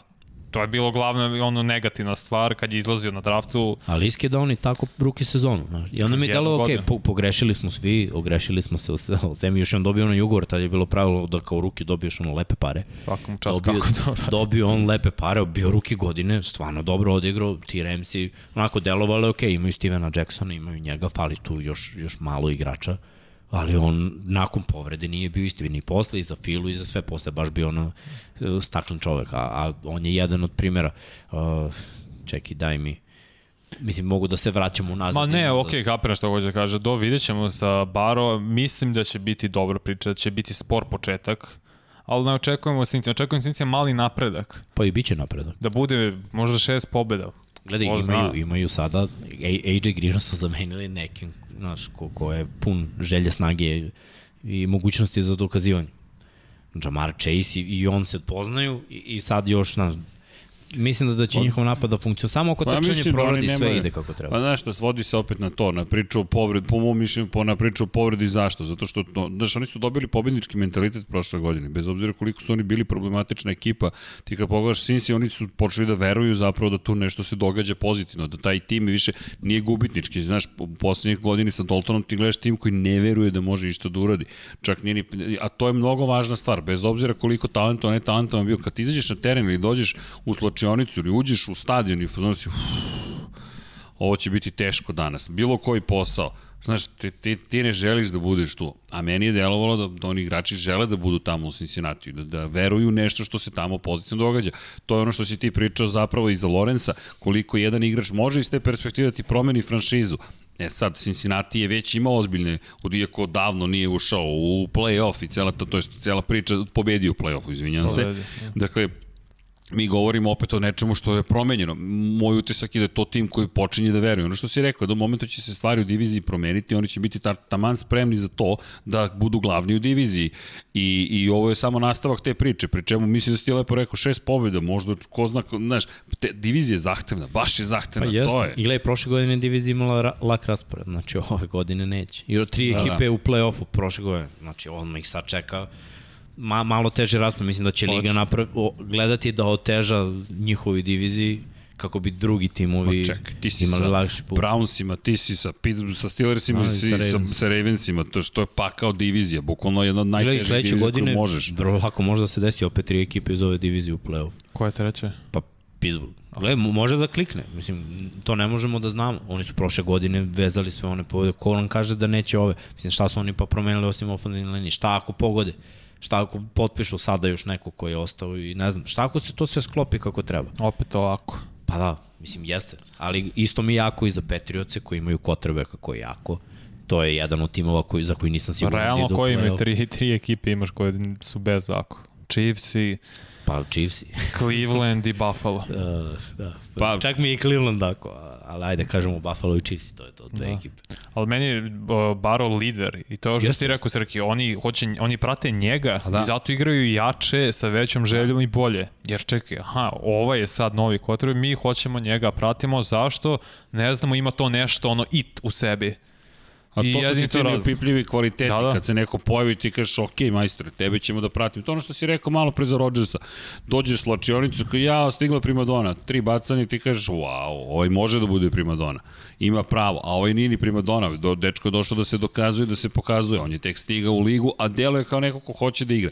I delo je kao neko ko je spreman da nosi zapravo on, celu ekipu. On je baš lepo igrao. Jeste. Meni je krivo što se povredio, jer, jer Jeste. takve povrede, mislim, gledaj, ja kad sam povredio kolano, što je bila, mislim, to su medijalni, nisu prednju, nije prednju ukršten. Ali da kažeš da ono, znaš, kad ne hodaš mesec dana i kad se vratiš i onda ti u glavi imaš neku barijeru, ti u glavi ti je, hm, a šta ako ovo ili šta ako mi neko uleti, znaš, i, i bude ti onako malo, hm, dok ne dobiješ prvi udarac, ono, u, u kolano, u nogu. I onda kad to preživiš, onda, uh, dobro je. Sad idemo dalje, sad mi je laganije. Malo, Ali za quarterback je najveći problem, zato što quarterback ne gleda ko će da ga udari. Svaka druga pozicija, bar malo, možeš da osjetiš odakle dolazi udarac. A quarterback ima zadatak da gleda šta se dešava tamo na terenu, šta radi odbrana, da traži svoju opciju, za to vreme nije odgovoran za to da mu neko uleće u kolena ili ne. I zato mislim da će imati malu dozu rezerve u samom početku, Volio bi da nema, volio bi da mi dementuje, a, ali nekako mi iskustvo naučilo da kad god u NFL-u quarterback pokida ligamente, uvek malo razmišlja u, u ono, prvoj toj sledećoj sezoni, ili bar u prvoj polovini sledeće sezone, dok se malo ne opusti, dok ne shvati, ok, to je to. Mislim, pazi, pazi ovaj... čak nije ni quarterback, većina igrača rekao ko se vrati, ja kažem, Adrian Peterson je meni bog je batina za to. Vidi, uh, kod njega nije samo, nisu prednji ukršteni, on je pokidao sve, sve u kolenu. U kolenu je sve stradao. Meniskus je stradao, sve, MCL, meniskus, gledaj, meniskus strada uvek, kad koje god da ali, da pokidaš, meniskus je otišao. Ali pazi, on je i PCL, i MCL, i ACL, da, sve ligamente. Sve ligamente pokidao, on je sve potpuno pokidao, ono što je pozitivno, ako ste gledali 24-7 Sport, izbacili su, na, mislim da je check down zapravo na Twitteru izbacio da, da baca loptu. Da, iz mesta, to je, vidio sam. Ne, čak se i kreće nešto, znaš. Ja sam vidio samo to iz mesta. I ima, ima kretnju. I, i, i Bob Lop, je lansirao baš ko Superman u prvom delu Supermana, u Donerovom, gde je otišla lopta. Tako da, on, to je jedan od povrednih na koje, nažalost, na koju smo navikli. Sjeti se Edelmana, koja je 2000, ne znam, 17. kad je pokido prednje ukrštene ligamente, ali ovo što si rekao, drugačija pozicija, vidit ćemo šta će biti, ne znam, ja verujem u Barova, ja zaista verujem u Joe Barova, ukoliko budemo imao dovoljno sreće da sve to bude sanirano kako treba. Za sada je sve proteklo kako treba i opet ovo. Ako može on sam da prevaziđe i dovoljno se dobro pripremi za sezonu, to stvarno može da bude jedna dobra ekipa, znaš, u teškoj diviziji, ali uz malo sreće, ko zna šta tamo može se desiti. No. Na Barovu sve leži i dalje. Ćemo malo Chargers? Joe. Ajde, Vanja. Ajmo, Vanja. Chargers. Gde ti ovo, kreni tamo? Ma ne deluješ mi srećno. Pa treba bi da bude srećan. Ja sam, ja sam udar zadovoljan draft. Teo sam možda ovusuo mesto Samuelsa, Asante, ali zašto ne? Dobro, pa da, pa meni je delovalo. Ubedio da, si me. Meni je delovalo, znaš, da, da Casey kad je otišao, ostavio je rupa, opet, mislim, igraš protiv timova. Mm. -hmm. Prvo igraš protiv Chiefsa, to su ti ono Mora secondary. zlikovci koje moraš da rešiš, to je ono secondary i gledaj, treba ti cornerback. Treba ti cornerback ko- koji može sad. Chiefs su onako, ovaj, Chargersi su baš izvozali dva, tri igrača, dve, tri godine, oni su se dokazali, onda su ih pustili. I Casey Hayward i King. Onako, napravi, napravili ste ih i onda su morali da odu Dobro, zbog hej, ok, dobro, Hayward, Hayward je najbolji igra u Chargersima. Jeste, i Po meni. godine, mislim, on je već završio 8 ili 9 godina u NFL-u i potpisao za Raiders, inače. A. Da se zna. Ali svi, dobro, sviđa mi se na kraju kad bolje razmisli, ok, može cornerback, sviđa mi se Josh Palmer, receiver iz Tennessee-a, koji mislim će biti mnogo bolji nego što je bio na Tennessee, jer nima niko konstantno pozitiv quarterbacka tamo. E ono, veliko je telo, 6-2, 210, red zone, target, I Treba dolazi, još jedan. I dolazi kao treća opcija. Mislim, sad, Da. ja, ja očekujem da se ove godine Chargersi promene u svoj identitet, jer je bilo dobrih, a nije 15, ali da kažemo dobrih uh, 16 godina. Oni su bili ono, tight end ekipa.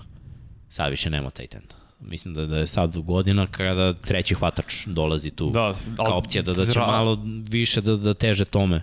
Jer Hunter Henry pre njega Antonio Gates, to je bilo onako u crvenoj To zoni. je Meni za Riversa bilo ono A. idealno. Ovo je drugačija vrsta zveri. Ovo može bati 70-80 yardi. Mislim da sad ono Mike Herbert, Williams je broj 1 u crvenoj zoni, a ne tight end. Pa mora. I onda mora. posle njega... Draftovali su oni tre Mekitija sa Jesu. Georgije. A ok, on je isto 6-5, možda će više služiti kao bloker pa da se iz toga izlači na hvatanja, ali mi se sviđa Chris Ramph.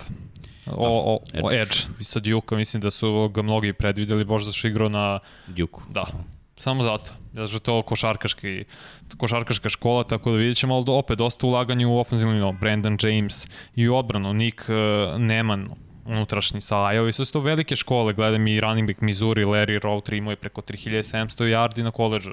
Tamo će biti druga opcija i za Ekelera. No. Tako da ja sam zadovoljan zapravo i Mark Webb isto sa Georgia, sve to velike škole. Sam Duke-a. Mene samo jedna stvar zanima, da ja kažem, ono, Chargersi su me kupili. Nije Dervin James, verujem da, da je ono konačno, da, mm. -hmm. da, da je za njega došlo vreme da, da, da zaigra.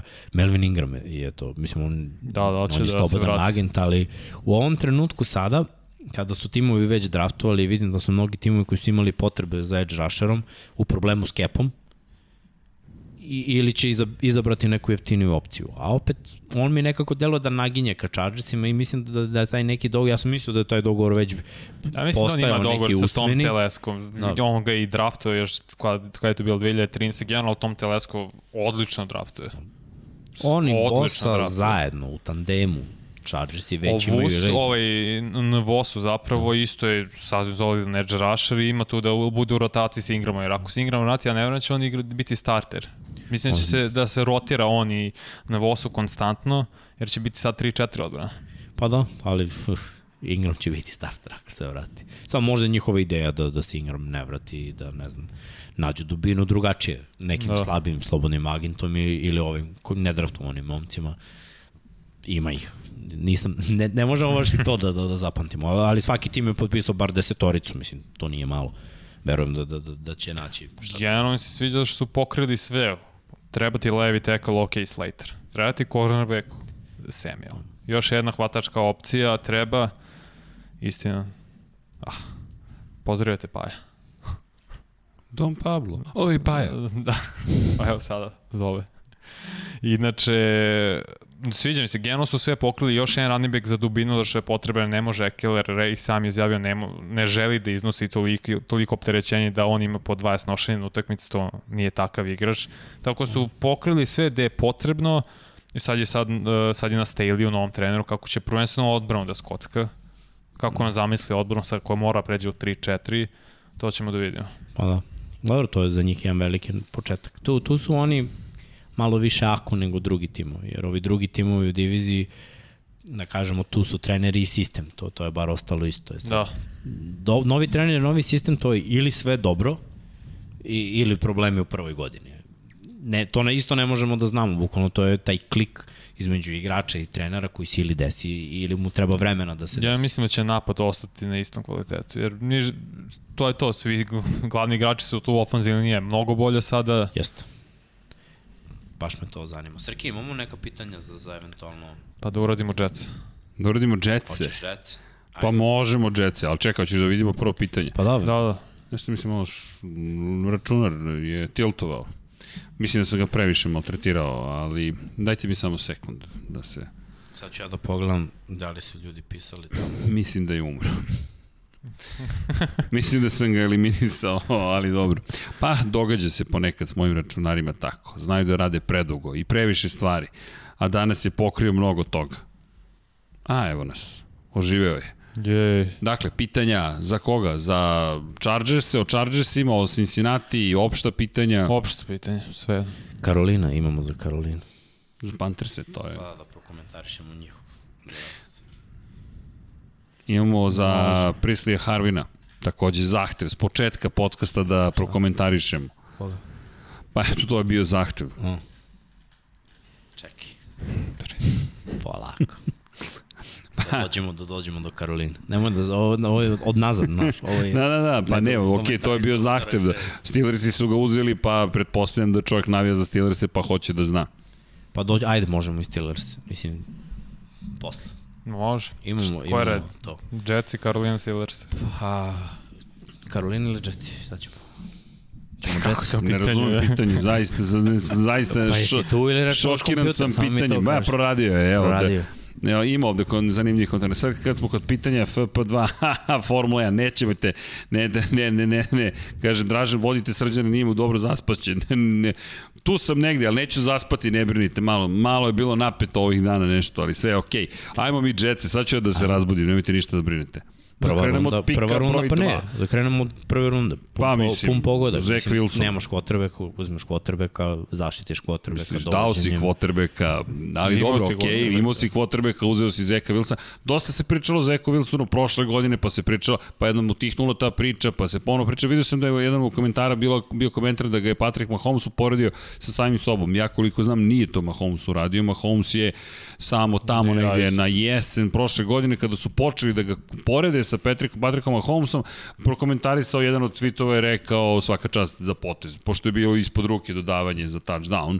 što je Mahomes uradio, ali u NFL-u, ovde malo ipak drugačije. Ok, Zach Wilson definitivno razigran jedan momak, e, deluje inteligentno, deluje vispreno, deluje kao ta moderna verzija quarterbacka, pokretiv, brz, ima jaku ruku, preciznu ruku, makar to tako sada izgleda i vidjet ćemo. Ja držim palčeve, zaista uvijek sam skeptičan po pitanju tih mladih quarterbackova, jer nisu svi Patrick Mahomes, naprotiv, jedan je Patrick Mahomes i Mahomes je poseban, zaista je poseban. Ima već jednu titulu, ima jedan, još jedan plasman u Super Bowl, bio je u finalu konferencije, relativno Da. brzo je postigao tako mnogo. Ali toga. vidiš, ve, opet, kad je on zaigru za kakav tim? Tako je. Da, Da. Zaigru za tim kome je falio quarterback da, da, da ode gledaj, tamo gde je Oni su otišao. na osvojili kraju. diviziju pre njega svake godine. Jeste. O, kad je Alex Smith bio tu, kad je došao Andy Reid, svake godine su bili u play-offu. Onda on došao u play-off tim.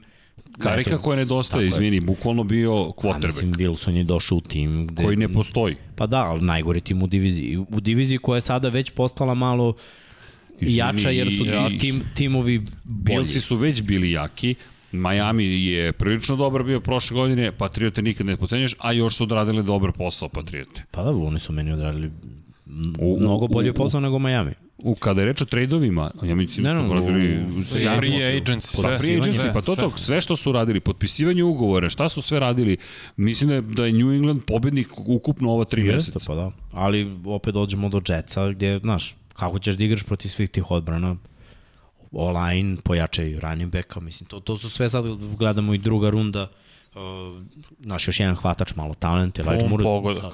Znaš On kako? pogodak. super talentovan igrač. Priča se da, da, da je nova energija u New York Jetsima. To je ono što su htjeli da postignu dovođenju Salaha i da promene zapravo kompletan mentalitet i da, da postane pobjednički tim. To je ono što smo i prošle godine rekli, dovođenjem pre svega glavnog trenera koji deluje kao čovek koji zna kako dovedi disciplinu, ne samo disciplinu, nego kako da navede igrače da zaista veruju u uspeh, deluje da su to postigli. Pa da, ali gledaj, jedno je da veruješ u uspeh, Naravno, Mm, to je ono, Mike Tyson, sjajni, svi imaju plan. svi imaju plan, znaš, dok ne dobiju udarac u bradu. Jesse će dobiti udarac u bradu u prve tri utakmice u diviziji.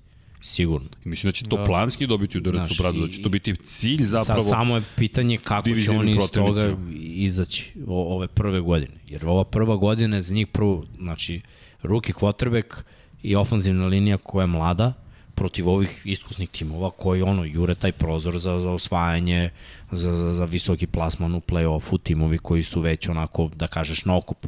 Znači, ovi sad su jedini koji imaju novog trenera, pola novih igrača, Jesse bukvalno imaju totalno drugi tim u odnosu na prethodnu godinu, a ovi timovi dolaze skoro u istom sastavu, ako ne pojačani sa, sa ono bar jednom stabilnom u, u, ujednačini. Znači, trener, da kažeš, ako New England novi tim, Bill nije novi trener. E, to sam baš da ti kažem, jer ovde imaš sada sve potpuno novo i ne dolazi Wilson u tim koji je već formiran i koji ima neki identitet da, koji je prošao mnogo toga. Ne, on dolazi u nešto što niko ne zna zapravo kako će izgledati. Ti, ti ne znaš kako će to izgledati, niko od nas, Salah ima jednu ulogu u 49ersima, sad ima potpuno drugu ulogu i nije baš tako uobičajena situacija da koordinator iz prvog uspe da postane glavni trener. Biti glavni trener je potpuno neka druga uloga u odnosu na ono što si do tada obavljao.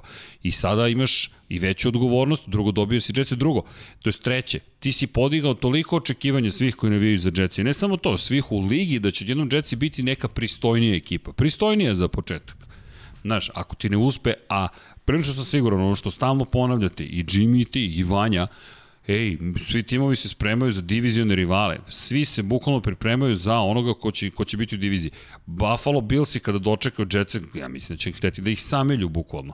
New England Patriotsi, tek tu postoji ozbiljna količina mržnje između ta dva tima i onda dolaze i Miami koji mora to da učini. Hteo, ne hteo, moraš to da učiniš, aj verujem i da želiš. I ono što si rekao, kakva čvrsta odbrana Miami čeka Wilsona i Jet. Da, svi, svi timovi u ovoj diviziji. Mislim, Jetsi jesu od pete runda na dole sve defanzivno birali. Da, da. I safety, cornerbacka i liniju. I još jednog safety, i još jednog cornerbacka. Pa da, mislim da je pet pikova.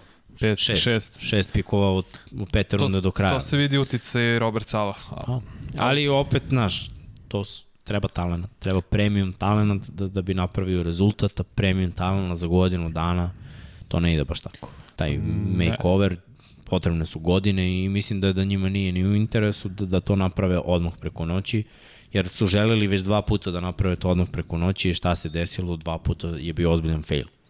A, mislim da su poruke sada drugačije, da. znaš, da su i oni svesni, ej, nisu se za, pri čemu izbor Gejsa je bio čudan od problematičan od prve konferencije za medije je bio problematičan, teko se, ako se vratite, ako se setite te konferencije za medije, to je zvučalo čudno kao da čovek je pa dobro, gledaj, sad mi imamo čudno mesto mi sad imamo sliku šta je on uradio, pa nam je lako da, da kritikujemo. Ali u trenutku kad je on došao, on je od Ryana Tenekela koji je bio jako loš, napravio jednu dobru sezonu. I to je bukvalno bilo okej. Okay. Ono, slamka spasa, znaš, on uhvati se za, za, za ovo. Ako sada prođe, prošlo je, ako ne prođe, ne prođe.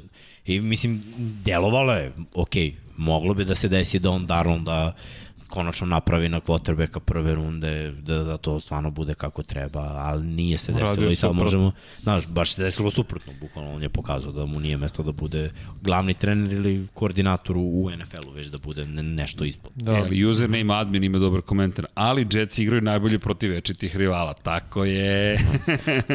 ja sam odušljen što su Jetsi uradili, pogotovo u prvim rundama da pomognu baš Zach Wilson, ono što nisu Darnoldu zapravo radili. Odma guard Elijah Vera Tucker jer odma receiver koji mogu da bude i ranije izabran, Elijah Moore, odlično, running back Michael Carter, ovaj drugi running back pored Javonte Williams, što smo pričali sa North Carolina, to je super. Jer ti si uradio ono što je bilo potrebno da Wilson, da Wilson bude lakše prve godine i jedini cilj, bar meni za Jets, će biti da Wilson ostane zdrav. Da igra čitave sezone, jer verujem da će startovati, ali da završi zdrav sezonu. Da ne bude kao Barov da se povrede, bude ozbiljnija pa, da. povreda, nego da stekne taj, to iskustvo, ali mora da, da bude čitav. I sa Mektonom, sa Vera Takerom, igra trčanja će biti bolja sad sa Michael, uh, da, sa Michael Carterom, i novi hvatač Elijah Moore, to će biti bolje, izgledat će bolje. Sad, opet će biti poslednji mm. Jetsi, ali nije to pojenta. Pojenta je da Wilson ostane zdrav na kraju sezone i da stekne iskustvo. Ne znam, ja moram ti priznam da bih ja voleo da smo zadržali iskreno Darnolda i uzeli ja još i, i, i dali mu šansu, pra, pra, pravo da ti kažem, jer Wilsona svi gledaju kao Mesiju, kao čovek je došao i to je kraj priče. Mene to plaši, iskreno me plaši. Pa dobro, ali gledaj, to je normalno, svakog potreba kako je izabran gledaju tako. A Vanja je jednom rekao to i u potpunosti u pravu. Znaš, novi trener, novi kotrb. Novi trener kad okay. dođe, ako ostaje isti quarterback... To ti ono, dovodim da. svoju ekipu. Pa da, ali ako ostaje isti quarterback, taj mora da se dokazuje u NFL-u. Eto, Matt Nagy je najbolji primjer toga. On je zadržao Trubisku, on ga nije draftovao. I evo sad kad je dobio prvu pr- priliku Trubiski, ćao, a, Fields pada, Dajte trade meni mog quarterback. Lefler je imao drugu situaciju, došao Da. da. tim gde je Aaron Rodgers, mislim to. ne treba ti Drugačije. kad imaš Aaron Drugačija je situacija. Malo se menja. Ne, Čak. vi- vidi, ja sam mega skeptičan kada je reč o Wilsonu, koliko god mi je simpatičan i koliko god je sjajno igrao, na sve to super, ali i, i veče drafta smo pričali, ja, ja zaista priznajem da sam skeptičan, ali okej, vidjet ćemo. Polako. Ima, ima vremena. Step by Za. Jets ima vremena. Da. Znaš, on, Pazi, gore ne može. oni kreću od no, nule, bukvalno. Buk, pa, gore od ovoga ne najgorih timova Pa, se gradi. može. opet. Pa može, okej, okay, Vanja, neće, možemo, neće, ali neće. nadamo se da nećemo imati bar tri pobede. Evo ti još jedan tim koji je krenuo od, od nule, aj tako da kažeš, i, i pronašli su par igrača u poslednjih par godina i to delo mnogo bolje. Karolina. I baš su nas ljudi pitali da komentarišemo njihov draft, jer, znaš, meni svake godine deluje da oni pogode prvo, prvu ili drugu rundu. Prošle godine su pogodili, pre dve godine su pogodili, Derek pre tri Brown, godine su runda, pogodili. da. Znači, bukvalno idemo unazad, idemo unazad i, i sve je pogodak, bre čovjek. Ali nije samo prva runda, nego čak i u drugoj pogode. I Jeremy Chin. Da, na primjer. Mislim, prvo, znaš da je McCaffrey bio, znači ja se sećam kad sam gledao McCaffreya na koleđu u, u sezoni kada nije osvojio Heismana, nego je Derrick Henry osvojio Heismana, ja sam rekao, ovaj momak ide u NFL i bit će toliko underrated, verovatno će završiti ono kao, kao pik uh, ono na kraju za Patriots i, ili još dalje. Međutim, i još kad sam vidio da je 10 puta digao stotku, bilo mi u glavi, ma da, sad će svi da kažu slabi ovo, ono kao da niko ne gleda šta dečko radi na, na, na terenu. Bilo je predrasude i zbog boje kože, ajde sad se ne lažemo. Okej, okay, ali ajde Bilo toga. obzir sve, tako Karolina to nije uradila. Naravno. I šta su dobili? Dobili su jednog od najboljih running backova u, u ligi trenutno. I od tad je bukvalno krenulo pogađanje s pikovima i okej, fali pozicija quarterbacka. Videlo se je ono decline, o, ozbiljan problem, ide, ide na dole, povrede i sve. Ali vidi, ni to I onda isto- tražiš, prošle izvini. godine smo rekli, most, prelazno izvini, rešenje. ni to čak nije bilo, to je nesrećni slučaj, rekao bih, sa Kemom, šta se desilo. Znaš, Nije, to, to je ali vidi, nesrećni slučaj, ali to se dešava sa svim quarterbackovima u ligi, svako se povredi Jeste. kad a- igra tako. Da, ali, ali opet da ti se baš takav pad desi. Znaš, Kem je baš doživeo ozbiljan sunovrat. Ti kada pogledaš, on je mlađi od mnogih quarterbackova koji još uvijek igraju. Znaš, ti kad, A drugi stil. Jeste drugi stil, ali mislim da je imao još malo u sebi, znaš, i da su da ih je da su da ih je mada je njega malo posrećilo da ne bude tako dramatična povreda, da jedna dve sezone mislim da bi Karolina potpuno drugačije izgledala. Ali počinješ da se na, da budeš zasit, onako zasitite sve to, ti njegovi uspesi. Sve ti postane onako, ok, je, ok, jeste, uspešan bio MVP, stigli smo do Super Bowl, dok ćemo živimo mi od ovoga? Koliko godina nadalje da, da živimo mi od ovoga, da, da, da, Da, će da, on, to je Vanja da, rekao isto pro, pretprošli put da, da je sada kol- broj godina koje imaš kao quarterback mnogo manji. Sad počinje da se vrt, ringišpil vrti mnogo Dolaze brže. stalno sve bolje, zato što prosto se razvijaju bolje i oni silni quarterback kampovi znaš 7 šta? na 7. Bolji. Aj, pravila, gledaj, pravila idu quarterbackovima da, na ruku. ali spremni dolaze quarterbackovi Znam, ali, stalno. ali znaš šta je tu pitanje? Kome, koliko dugo čekaš, da, koliko dugo daješ nekom podršku? Slažem se s tom, do kada će držiš stare slave? Ljudi, teško je uspeti. Evo ti ga Brady od trećeg, do, treće titule do četvrte, to je bilo 10, 10 godina čekanja. A to je ta stara Pa je generacija gde su Daj- držali quarterbacko i Manning i uh, Rivers. Ben, Brees. Oni su njih da. držali, jer nije, nije toliko m, izlazilo kao što sad izlazi, prosto nisu videli, ok, imamo ovog, ovog već znamo da je dobar, igrao, igrao je, imao je odlične sezone, vrlo dobre, podržat ćemo ga, nije još hitno. A i mnogo su poskupili. I, Ima i to, toga, mnogo da. ima i toga i dolazimo do onog treći šta je uradio. Znaš, da Cam osvojio te godine kad su izgubili od Moraš da ga Denvera. držiš. Onda bi bilo čeke bre, pa nam je dono prvi Lombardiju, znaš, pa ajde, Jeste, ajde da mu damo grad. šansu, znaš, da se oporavi, ajde da, da kontaktiramo Drugu priču lekare, pričaš. znaš, ali ovako mislim šta, bio MVP.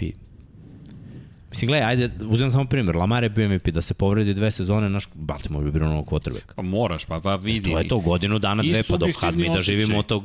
Izvini, e, seti se scena posle 50. Superbola. Znaš, to su scene koje su upamćene kao, kao nešto što označava Kemovu karijeru. Bez obzira na sve što je postigao, sve zasluge koje, je- koje je dobio i ko, za koje se izborio.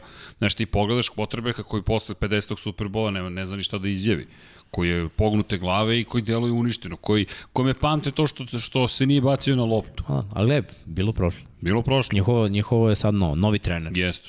nova filozofija, novo lice franšize, running back ima lice franšize, iza- izabrali su ponovo jednog od najtalentovanijih igrača na svojoj poziciji. Znači u posljednje četiri godine oni biraju top tri igrača na svojoj poziciji. To, to je vrhunska stvar. Znači, tako, to je premium talent, Da, da, tako gradiš ekipu. Ok, malo su slabije plasirani u posljednjih par godina, ali ok. Uzrok je i ovako se- divizija. Tako je. Između ostalo, divizija koja je mogla da da, da tri playoff ekipe. Da. JC Horn, pun pogodak, mislim, mi smo pričali, to je, bukvalno sve jedno kako rangiraš top 3 kornera, on je jedan od top 3. Čim je jedan od top 3, znači da... On je pa da elita, realno se. Mislim, mislim da je vrhunska stvar, naročito ako uzmemo obzir diviziju u kojoj se igra.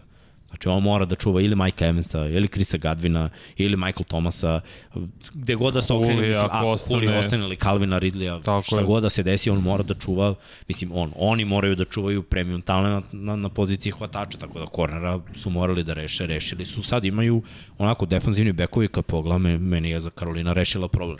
Da, ali šta su radili ostatku? Posvetili su zapravo novom quarterbacku draft. Teras Marshall, Tako je. E, to vi, što je mene malo iznenadilo, ok, razumem filozofiju, jer ovako, Darnold ovo u životu ni, nije imao u džecima, ni, mislim, mogu ni da sanja ovako, jer... Bukvalno. Tako je, da, da uzmem prvo da, da krenem od Mura, koji je ono, stvarno ubica, on je dečko pre dve godine bio top 5 po bro- broju yardaža prošle godine i opet imao dobru sezonu.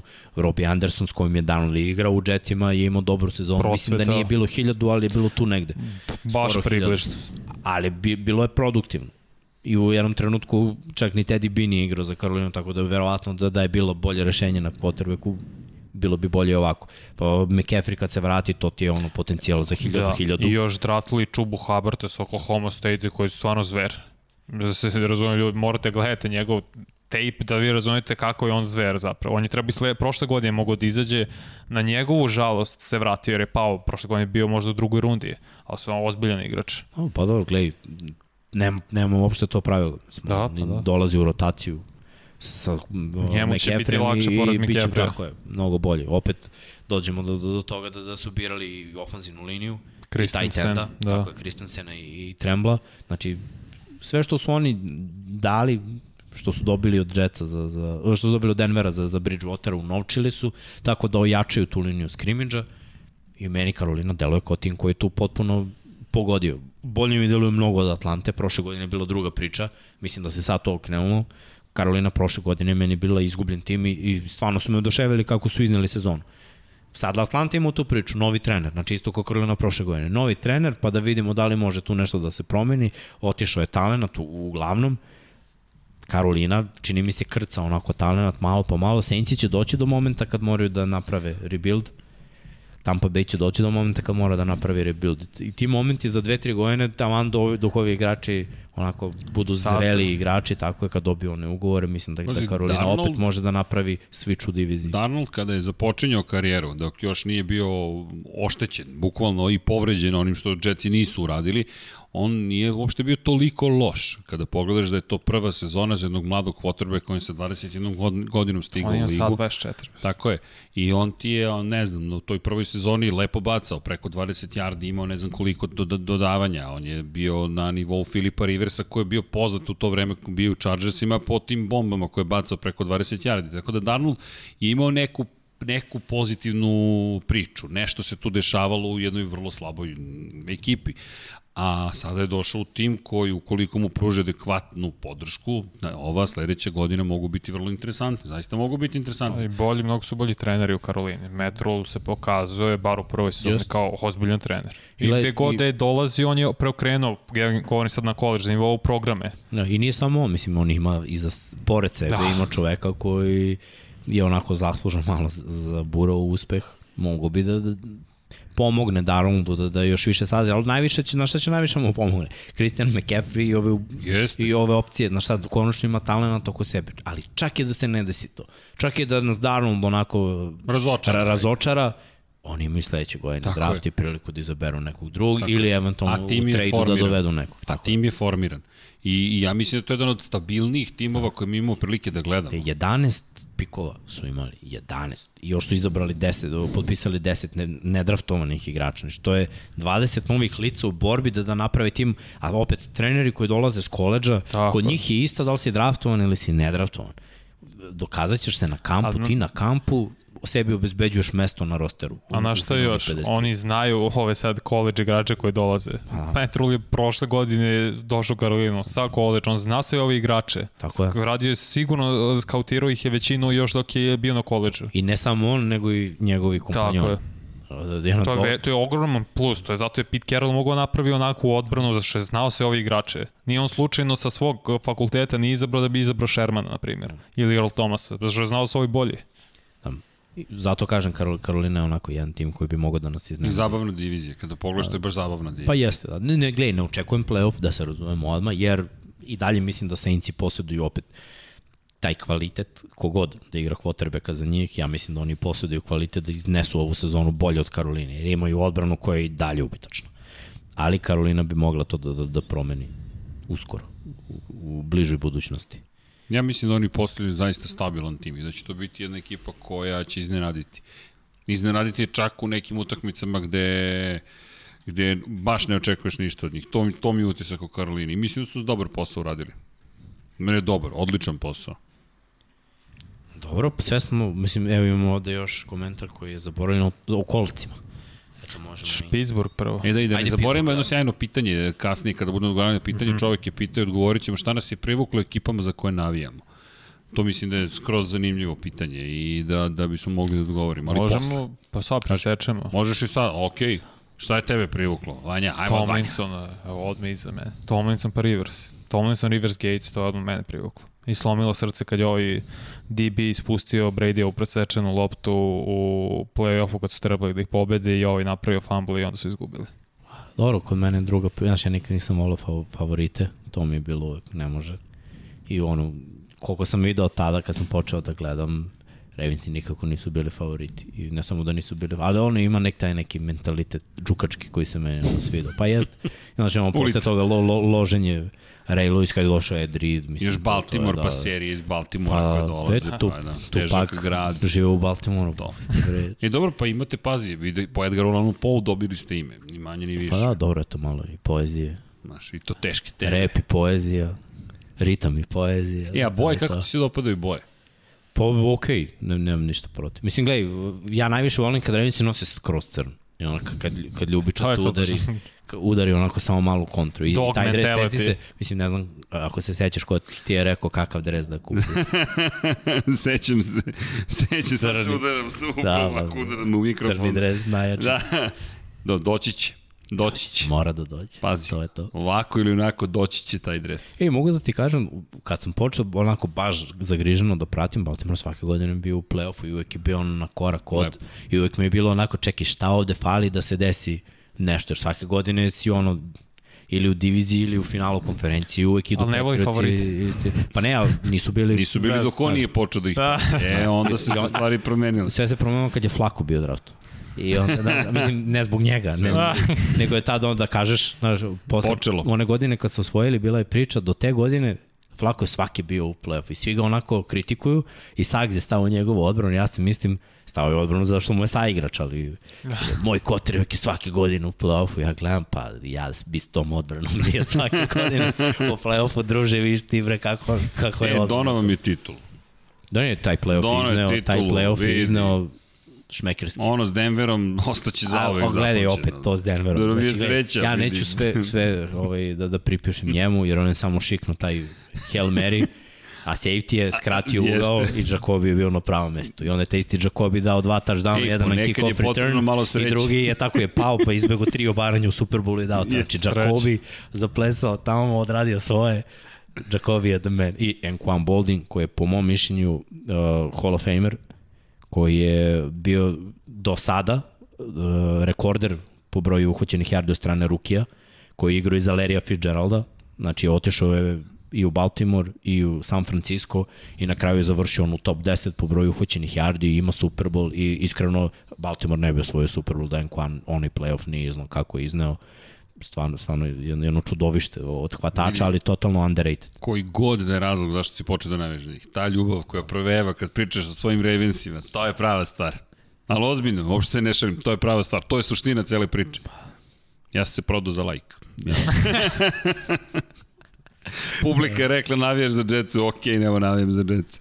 Ali dobro, gledaj, ulazim u ulogu. Sad, sad i vi niste favorit. Vidiš da učim. Da, Da, to je od to. momenta kad sam se ja uključio. Samo moraš jednu stvar da naučiš. Da. Nemoj da uzimaš igrače iz Baltimora.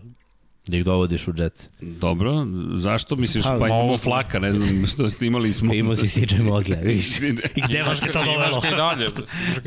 Brešarda perima, nemoj, zaboravi tu formulu. Zaboravi to. Kreni kao Bill iz divizije. to, to, to, to, to, to, to. Mislim da, je to bolje. Da, da, ali da, pa eto, bit će, bit će Jetsi, eto, imam već punih, koliko, četiri meseca navijam za Jetsi. Više. Više, pet. Pa Sezona je maju bilo, smo. da, A nije, počeli smo u novembru. Pa, da kažemo decembra, da najviše. Late. Šest meseci, opa. ti si skoro od novembra počeo da ih biraš da dobijaju utakmicu. Da, da, tad sam počeo da biram Jets, nisam ni znao da će Tvoje srce je završi. reklo ranije. Da, tako je, tako je. Ni, nisi ti za like ipak prosto. To je ljubav, čista Tako je. ljubav, vidi. A dobro, pazi sad, i nekako se, ovde se neki smeju, ignorisat ću ih, ali Jetsi, znaš, mlaznjaci, raketni program, može Ništa i to tako da se posmatra. Tako je, ništa nije slučajno. Ćemo od Pittsburghu? Ajmo. E sad ovako, mogu i to da kažem. Kad sam počeo gledam NFL, prvo mi je bilo onako... Sećam se 2005. sam počeo treniram, onako, i, i ta godina mi je bilo onako da sam počeo konačno da razumem i taj Pittsburgh, navio sam za Seattle u onom Super Bowlu, to moram da kažem, ali Pittsburgh osvoji na kraju. I od tad nekako je krenulo ono, joj, Pittsburgh. ali gle, veliko poštovanje za, za franšizu i, i, i za sve što rade. Ali ovaj draft nije, nije smeo da ode u ovom smeru prvi, prvi pik, lej, ja sam rekao, ja bi birao ofenzivnu liniju, ali nema veze, izaberi najboljeg running backa, to ti fali, pa ajde, gradit ćeš. Samo prema Benu nije fair, jer ja mislim da Ben ne igra duže od jedne godine, a ovo mi deluje kao da će biti mnogo batina. I baš Villanueva koji je došao u. Baltimore, čitao sam ovaj, jednu njegovu izjavu, gde, gde kaže kao je bio utisak ofenzivne linije i tačno znam kakav im je bio utisak kada igraš utakmicu gde sve vreme ideš na taj pas pro, sve vreme ti kada radiš pas pro, povlačiš se unazad. Znači ti bukvalno sve vreme se povlačiš unazad, bacaš 60 puta po utakmici. Znači ti 60 puta ideš unazad i ono pokušavaš da uštopuješ čoveka od 120 kila koji u punom sprintu ide kroz tebe ili da te zobiđe. Jako je teško i da budeš produktivan kao ofanzivni linijaš. Mi ocenjujemo da je njihova ofanzivna linija prošle godine bila katastrofa, ali možda bi bila malo bolja da, da je taj stil igre više online friendly, da, da, da su više trčali, onda bi verovatno i, i, i trčanje bilo bolje, u ofenzivnoj liniji bi bilo lakše da blokira za pas, pa bi pas samim tim bio bolje. Ovako su bili previše predvidivi. Mislim da, da, da je zato u drugoj rundi najkasnije mora da se uzme ofenzivne linije, jer ih je bilo mnogo. Znači, znamo, tri centra su otišla, bilo je dosta gardova. Ja sam rekao u prvoj rundi očekujem da bude ono pet ofenzivnih linijaša lagano, u drugoj još više, jer je to potreba mnogih timova. Oni biraju taj tenda. Ok, ne mislim da je loš pik, vrlo lako može da se desi da bude pravi pik, ali obično je najveći problem, najveća ovaj, disrupcija ofenzivne linije se dešava u A i B gapu taj deo ofenzivne linije, naročito pogledaš Baltimore, ko, ko su tu teklovi? Calais Campbell, Derek Wolf. Ili staviš Brandona Williamsa, pa su ovi s polja. Veliki problem za ofenzivnu liniju. Staniš Cleveland, Miles Garrett iz polja, ali oni i unutra imaju brutalne igrače. I Clown još iz su, još su, polja. tako je, još ako se vrati Sheldon Richardson, Square, još Damien jedan. Square su potpisali. Ili jedno- Sfera, da, iz Chargers. Mm -hmm. Izvini, jedno pitanje, kada je reč o running backovima. Running backovi, to je ono što si ti pričao, da, da, da ne treba žuriti sa running backovima. Ali gledaj, ovo jeste, ovo je onaj jedan talenat koji je pao zbog potražnje. Ne moraš da ga uzmeš samo zato što dobro trči, jer stvarno dobro trči i jeste ono fizički. O, ja kad gledam njega, meni on ne deluje da ima 100 kila. On svojih 100 kila nosi lako, ali baš lako. To je, kad vidiš da neko tako lako nosi 100 kila, tačno da, ko Julio Jones, sve kako Julio Jones igra. A. Julio ima 105 kila. Izgleda elegantno. Izgleda kod ima 80, baš se lagano kreće za tu. Znaš, onda treba udariti bre, u, u punom pokretu tih 100 kila. To je jedna stvar. Ali drugi si vidio kako najđe hvata loptu, i kako se kreće, kad trči rute. Mnogo se popravio poslednje godine na koviču. Tako je, on to radi lagano, ali to je tek prilika za njega da se popravi u sistemu ko, koji odgovara. Jer dok je Bell bio, running back je mnogo više hvatao nego kasnije kad, kad je Conner zaigrao, jer je Conner onako malo drveniji. Mi, mislim da i Pittsburgh želi u tom smeru da ide i zato ne, nije pametno, ali u drugu ruku i jeste dobro jer su izabrali running backa koji je onako najbolji na, na, na draftu, ajde tako da kažem. I rešili su to. Ali ofenzivnu liniju su morali u drugoj rundi, pa taj tenda kasnije. Jer nije ovaj taj tend mnogo bolji od nekog koji je u trećoj rundi bio. Ali ofenzivna linija razlike između druge i treće je obično velika. Pazi, imao si dva centra koji ti Imao potrebno, Josh Myers i, ka, i, i Creed Humphrey. Tako je. Dva veoma dobar centar i ti nisi izabrao. A povuko ti se centar. Znači, Da. ma, malo je rupa tu. Mislim, posle su izabrali garda u, u trećoj rundi. Ok, možda bude jedan od onih iz treće runde. Znaš, ali, ali to je jedno. Mnogo bi mirni oni bili da su izabrali centar i garda, na primjer jer onda bi trčanje pokralo. Mislim da je njihova misija više bila da, da probude to trčanje davno zaboravljeno, jer su prošle godine imali 50 yardi, ne, nego da popune Što ne sve liči pozicije. na, na Steelers. Tako, jer tight enda, ok, Ibron meni, ja kažem, Ibron nije neki tight end vrhunski i godinama je, sve stoji, ali je bar tight end. Imaš jednog igrača na toj poziciji i mogu si u četvrtoj rundi da uzmeš rezervistu. Ali bukvalno garda i centra nemaš. N- Nemaš Da. startera na tim pozicijama za svoju diviziju. Dobro, i sa running, ko će ti otvarati put za running back? Da. Mislim, posle su oni izabrali dva još, znači prvo guard, pa onda u četvrtoj rundi tackle Dan Moore sa, sa Texas A&M-a koji ono, da kažeš, Texas A&M, A&M je dobar koleđ i znaju da, da naprave dobrog igrača, tako da, okej, okay, možda je malo, ma, malo pao, ali Da, ostatak drafta je bio odbrana. jeste. Pa dobro, mora, da, bira, mora da puniš ono što ti je najbolje. Da, da. Njima je najbolji deo tima odbrana, to, to svi znaju i izgubili su dosta. Oni, ja kažem, gubitak Hiltona će tek da se odrazi na njih. Mislim I čuveno, izvini, pitanje, šta ćemo s quarterbackom? Pa dobro, to je rešeno, mislim, na ovu godinu. Ne, ne, ali šta ti je plan za budućnost? Pa plan za da budućnost je bilo. Moraš, Škotska i tim da, Da. fali ono, quarterback i još dva igrača. Ne, i još dva, tri igrača to da rešiš u prve dve, tri runde. Mnogo će zavisiti šta, kako će biti sezona. Ako završe u top 10, sledeće godine Pittsburgh uzima quarterback. Kakav god da je, oni moraju da uzmu quarterback sad. Jer ovaj draft meni je bar bio slab. Oni su od Mel Kajpera, koji da kažemo, draft guru, što se toga tiče, dobili najgoru ocenu. Da, šta to meni govori, meni nije baš za najgoru ocenu, ali nije ono što su trebali. Trebali su centru u drugoj rundi. I ja to I mislim. guard, tight end, mogu si ga nađeš i nedraftovanog. A, ne, mislim da, da je to moralo u četvrtoj tamo kasnije, ali zato kritikujem možda, mislim, možda on bude produktivan i sve stoji, ali uvek je ono, dubina je najbitnija u ofenzivnoj liniji. Gledaš diviziju. Ravens je najviše blicuju, Browns imaju odbranu, a koliko sam vidio, Cincy je doveo nekoliko dobrih igrača defanzivno. I prošle godine, mislim, Cincinnati je prebio Pittsburgh. Da. Možemo pričamo šta hoćemo, ali na onoj utakmici nije quarterback rešio, nego je odbrana došla, znali su ovi samo bacaju, pecali su ih sve vreme na, šelu cross, tukli su ih i u ofenzivnoj liniji, Penja dobio batine i, i na kraju su ih hvatači počeli da dobijaju batine. Running back, kogod da je bio cele godine, dobijali su batine. Tako da to su neke stvari koje oni moraju da poprave. Sad, bar su našli premium talent na jednoj poziciji, imaju premium talent na, na poziciji hvatača, za njih je Koga? vreme Koga? Pa mogu da kažem da je Claypool premium talent, talent, nije igrač, nego talent, on može da izraste. Prošle godine smo videli naznake toga.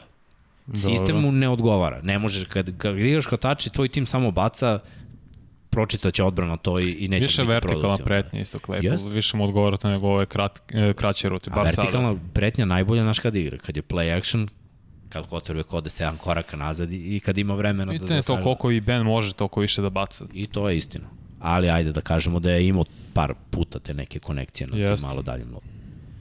Tako da ono, Pittsburgh ne baš najbolje, ali mislim o, ovo smo i očekivali. Morala je da dođe, znaš, posle svih tih godina uspeha, konačno par godina za rebuild. Ali ne onog uspeha što smo svi očekivali. Realno je bilo priča tri godine Pittsburgh Super Bowl. Pa jeste. Kad su AB, Ja sam Bell prvi- ja sam prvi bili rekao- najbolji na svojim pozicijama, da je ofenzivna linija bila top 5. Gledaj, one godine kad su pokradeni za onaj touchdown koji je stvarno bio protiv Patriots, ja sam rekao te godine je moje mišljenje, to je to. Ali opet imaš to, to nešto, oni jesu bili najtalentovaniji, sve to bilo u redu, a, a, ali su u glavi već bili Ali u Super? Bowlu ili u playoff. Izgubili Belichick, su onda u Jacksonville. da, Belichick uvek ima broj Tomlina. Kako god igraju jedan protiv drugog, uvek Tomlin ispadne kao loši trener. Nikad ga nije pobedio u tom nekom head-to-head duelu. Ono što je meni bilo najžalije je što nismo ni videli na kraju to finale konferencije između Patriots da. i Steelersa, jer sam baš želeo da vidim tu generaciju, ja, ja obožavam Antonio Browna i Bell. Stvarno su bili ono, zanimljiv tim, taj trio je bio dominantan baš u napadu. I čak i Martevis Bryant igrao Da, sjajnu ulogu kao, kao drugi hvatač. Ali eto, to, to su bili ti dani pre toga. Desilo se, dva puta osvojili Super Bowl, ok, Nije malo da u 20 Pa godina je, dva puta osvojiš Super Bowl u današnjoj eri. Tako da to je sad je vreme za pitanje rebuild. koliko će čekati za quarterbackom. Velika razlika između Bill, Bila, Terry Bradshaw i Ben 20 godina. Pa jeste. Ali opet dolazimo do ove tvoje priče. Jeste. Potrebe koji su spremni ima ih mnogo više. To je jedino to koliko će trajati, jer franšize ne ubadaju na quarterbacku, je to što je Green Bay se desilo, to se ne dešava. To što možda, možda će Chargersima da se desi sa Riversom Herbertom, to se ne dešava uglavnom. Stoji. To, je- to je re, redkost, redkost da možeš ti tek tako da iz godine u godinu pređeš sa jednog vrlo dobro do odličnog quarterbacka na sledećeg. Stoji. Šta više ne znam ni jedan primer da ti dam ko je ubao. Osim Green Bay. Da. U, da kažeš da je to 30, u 30 godina da, su imali dvojicu ili trojicu konstantnih quarterbackova, da. A Green Bay ima. Jedini tim, aj sad ću malo porazmisliti. Da, baš razmišljam ko bi još tu mogao da bude. Pa ne, možemo krenemo po divizijama, realno Miami nije imao, Jetsi isto nisu imali, Jetsi su imali više quarterbackova nego sezone. Da. Cleveland isto, Buffalo isto. Cleveland isto. Pa dobro, znaš kako možeš da staviš Patriote? Bi, šta, Ali Bledsoe je bio pre Ah, Brady. Ne, ne, ne. I onda on si imao mo- 20 on nije godina. Ali to je, i to je prihvatljivo. To je, to je prihvatljivo, Bledsoe je imao pro bowl nivo. I to je, To je bio prvi pik na u poređenju s ovim drugima, da, u poređenju s svim drugima, koja je katastrofa. Ali ja- Kolci su imali neku Ja Bledsoe, sreću. Bledsoe ne smatram talentom kao Brady, znaš, on je, Ne, ne, zato, jeste bio okej okay u Da, jednom upravo momentu, ali, ako ali to nije uradio mnogo nivo toga. nivo na nivo. Mislim, poredimo sa, sa da. i Favrom. Da. Da, Ne, okej, nije. baš ne možemo ne, ne možemo, da ne poredimo. ko, kolci su mogli to. Ali su oni imali godinu čekanja. Pa da, ko, Sa gledaj, Laku, na Laka. la, nema veze. Da, Laki dalje igra, ja bih Da. rekao važi. Jeste, ali tome to je to, ali ne nije. igra. To, Ali ne igra. ali su imali, mislim, Lak jeste taj Pogodili nivo. su, pogodili su, ali nažalost nisu ga sačuvali, to je ono. To, to je problem. Čovjek dobio toliko batina da je na Da, kraju da. rekao, pa, pa, neću. Kakav je on tim kolca vodio do play-offa, pa tim nula. Ali nema tih primjera, realno, mislim, mi možemo i NFC-a pogledamo, Ma da, a, Šta? znaš, motom po glavi, ne- nema ni jedna divizija ko- koja je napravila tako nešto.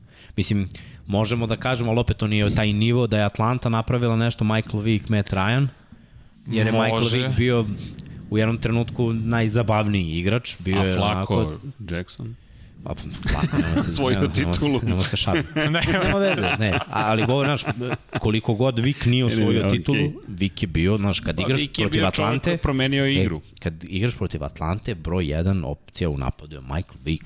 Za kog se spremaš? Ma, znaš, on je promenio, Da, da, da. generacijski je promenio, Jeste. i onda je došao Ryan koji je uspešan, mislim, bio je on Jeste. MVP, stigo je do, do Superbola, tako da, ovo, mislim, mnogo je slabije to od Green Bay-a, od ovog njihovog tandema, ali ajde da kaže Čudno da, da da je... nekoga, pro, Gledaj. da nekoga zaboravljamo, a- ne ali, da nam ali ispred nosa. Atlanta, Atlanta će tek morati da izabere još jednog. Znači, oni su ovo Da. odradili i sad imaju opet ono, šta sad? uskoro.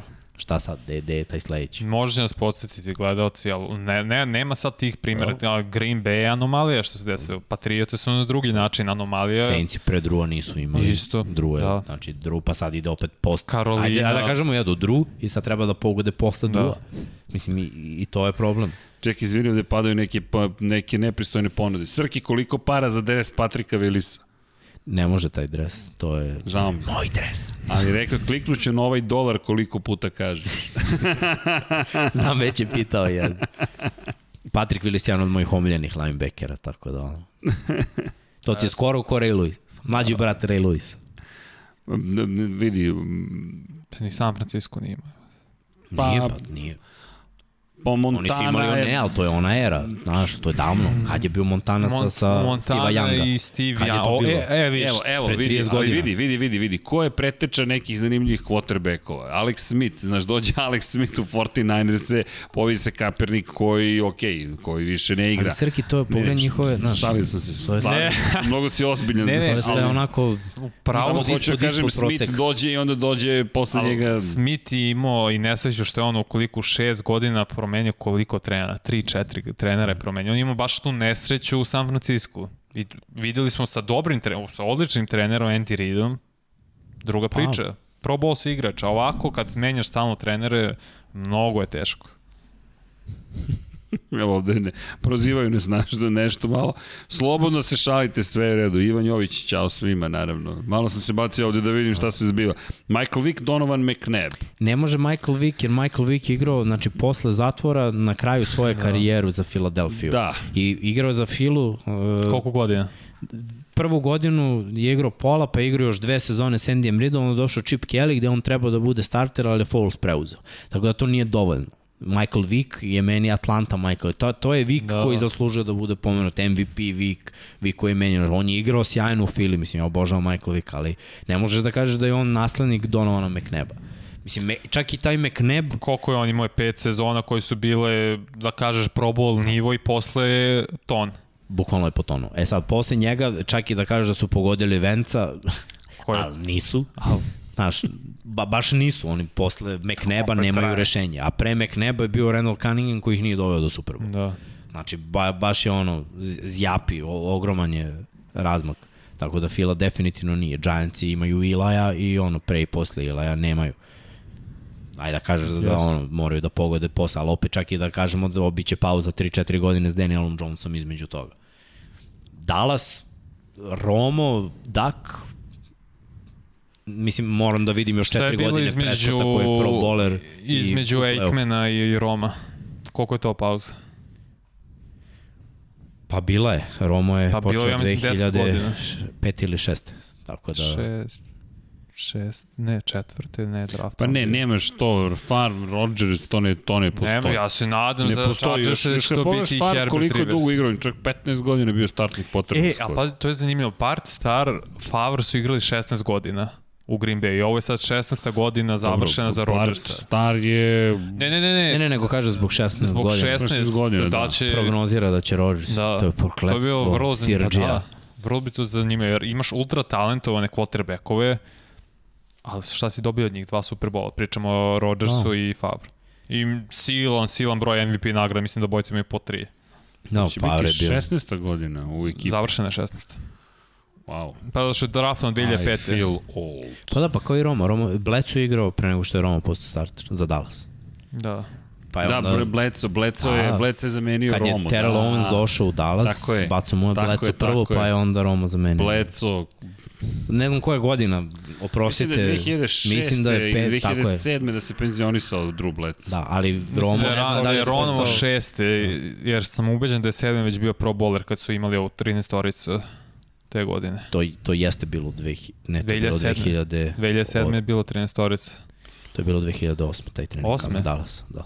A pre, Povezujem po svojim sezonama nekako što smo krali da? drilove. Don Majkovski. Don Majkovski, to je priča o čoveku koji je zapravo predodređen bio da vodi Green Bay Packers-e i to je ta čuvena priča o tome nekom smrkne, nekom svane. Majkovski imao dve povrede veli ozbiljne u karijeri. Ta druga povreda je, ne znam, septembar je bio 1992. treće, nećem se sad tačno, kada je napustio teren i zamenio ga je Brett Favre. I Majkovski priča, to je baš potresna priča, ali to je deo, deo i surovosti i lepote sporta. S jedne strane lepote, gledaš nekog klinca koji radi nevjerojatne stvari, koji ti donosi pobedu i vodite narednih 15 godina do jednog Superbola, do, do jedne titule. Majkovski koji je rekao kako je ležao zapravo u slučajonici ispod terena i slušao kako gore grmi u Green Bayu od proslave. Znaš, zaboravljen je bio instant.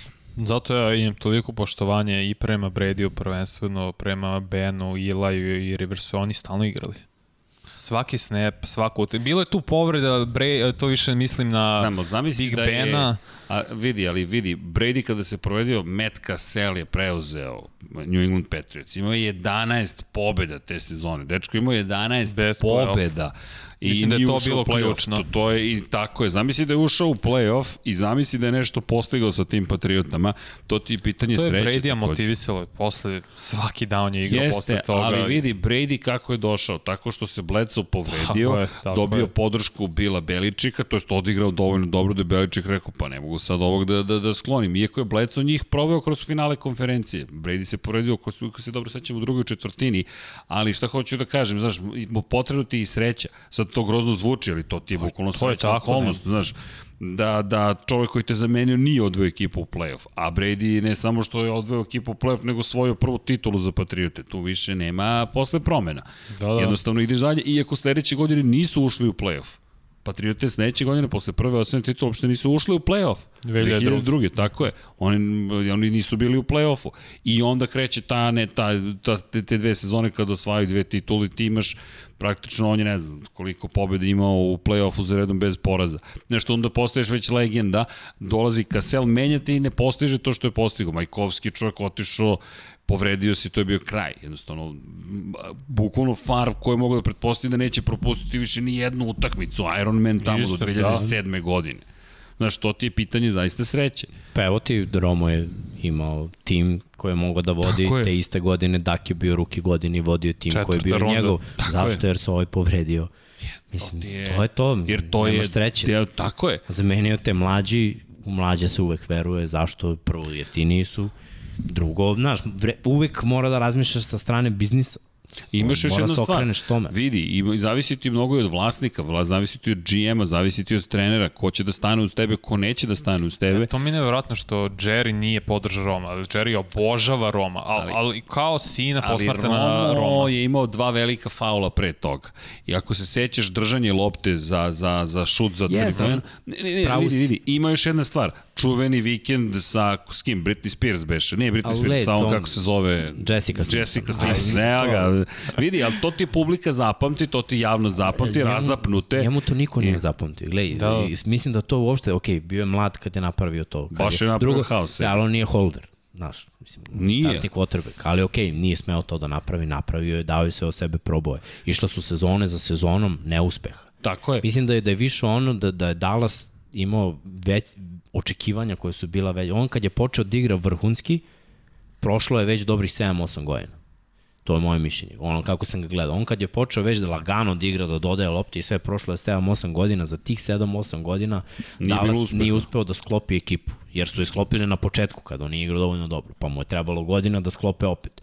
I onda su opet sklopili, ali on je već bio mator i onda je došlo do ove povrede. Još i pre je bio povređen, konstantno da, uvek ali, ta ključna kost. Ali i povrede, ali vidi, e, i ovo ti je deo priče, znaš. E, Mislim da samo neuspeh, neuspeh, to, to je ono što Jerry ne toleriše, znaš. Da, da ti si očekivanja ti si, ti si godinama u ne, znaš, ako si na dve, tri godine, ok, volim te, može, ajde kod sad s Dakom. A kod Daku ove četiri godine, bude igrao isto tim ako bude uspešan. Koliko god on bio pro bowler. Ja mislim posle dve godine ako ne bude dovoljno dobro. Da će mu Jerry zašto je Jerry takav jer je dobar. Da. Ako on bude bio pro bowler, četiri godine, hoće vin timski uspeh. Nema timskog uspeha draftujemo kotrbe. Mnogo, mnogo su velike očekivanja u Dallasu, jer Jerry, Jerry je nekad i nerealan, stvarno što se toga tiče, stalno očekuje uh, playoff, Super Bowl, kakva god da je ekipa, jer na to se naviko, jer je imao veliku trojku Smith, Aikman i Michael Irvin i naviku se na Super Bowlove I sada kad nema više toga, kad je prošlo više od 25 godina poslednjeg Superbola, da, a on i dalje živi u tom periodu. Kao mi smo tu, mi smo na korak, zašto mi smo ekipa za koju navija Amerika, mi imamo zvezdu na našem grbu i to je to. Uspeh se očekuje. Najvrednija smo ekipa na svetu, bilo kom sportu i zato on očekuje Super Bowl. On je ubeđen u sada će da biti play-off. Vanja, ti si 100% u pravu, znaš šta meni ne pada na pamet? Vidite si multimilijarder, od tebi jedina prava zabava, sve ostalo Just. ti više nevažno. Ti ja, samo hoćeš da obrneš igricu i da pobediš i ne uspevaš već decim, to je igrica. To je on i rekao, ja hoću Super Bowl pre nego što odem u penziju. Ma, to je jedina stvar, vidi, šta ćeš da kupiš veći bazen, veću jahtu. Njemu za najbolje da napravi veći jumbo. Uzeo veći, najveći... veću jahtu. Pa to je, znaš, point, daj, hoću već... Da, a da, to kako ide, na sad u društvu.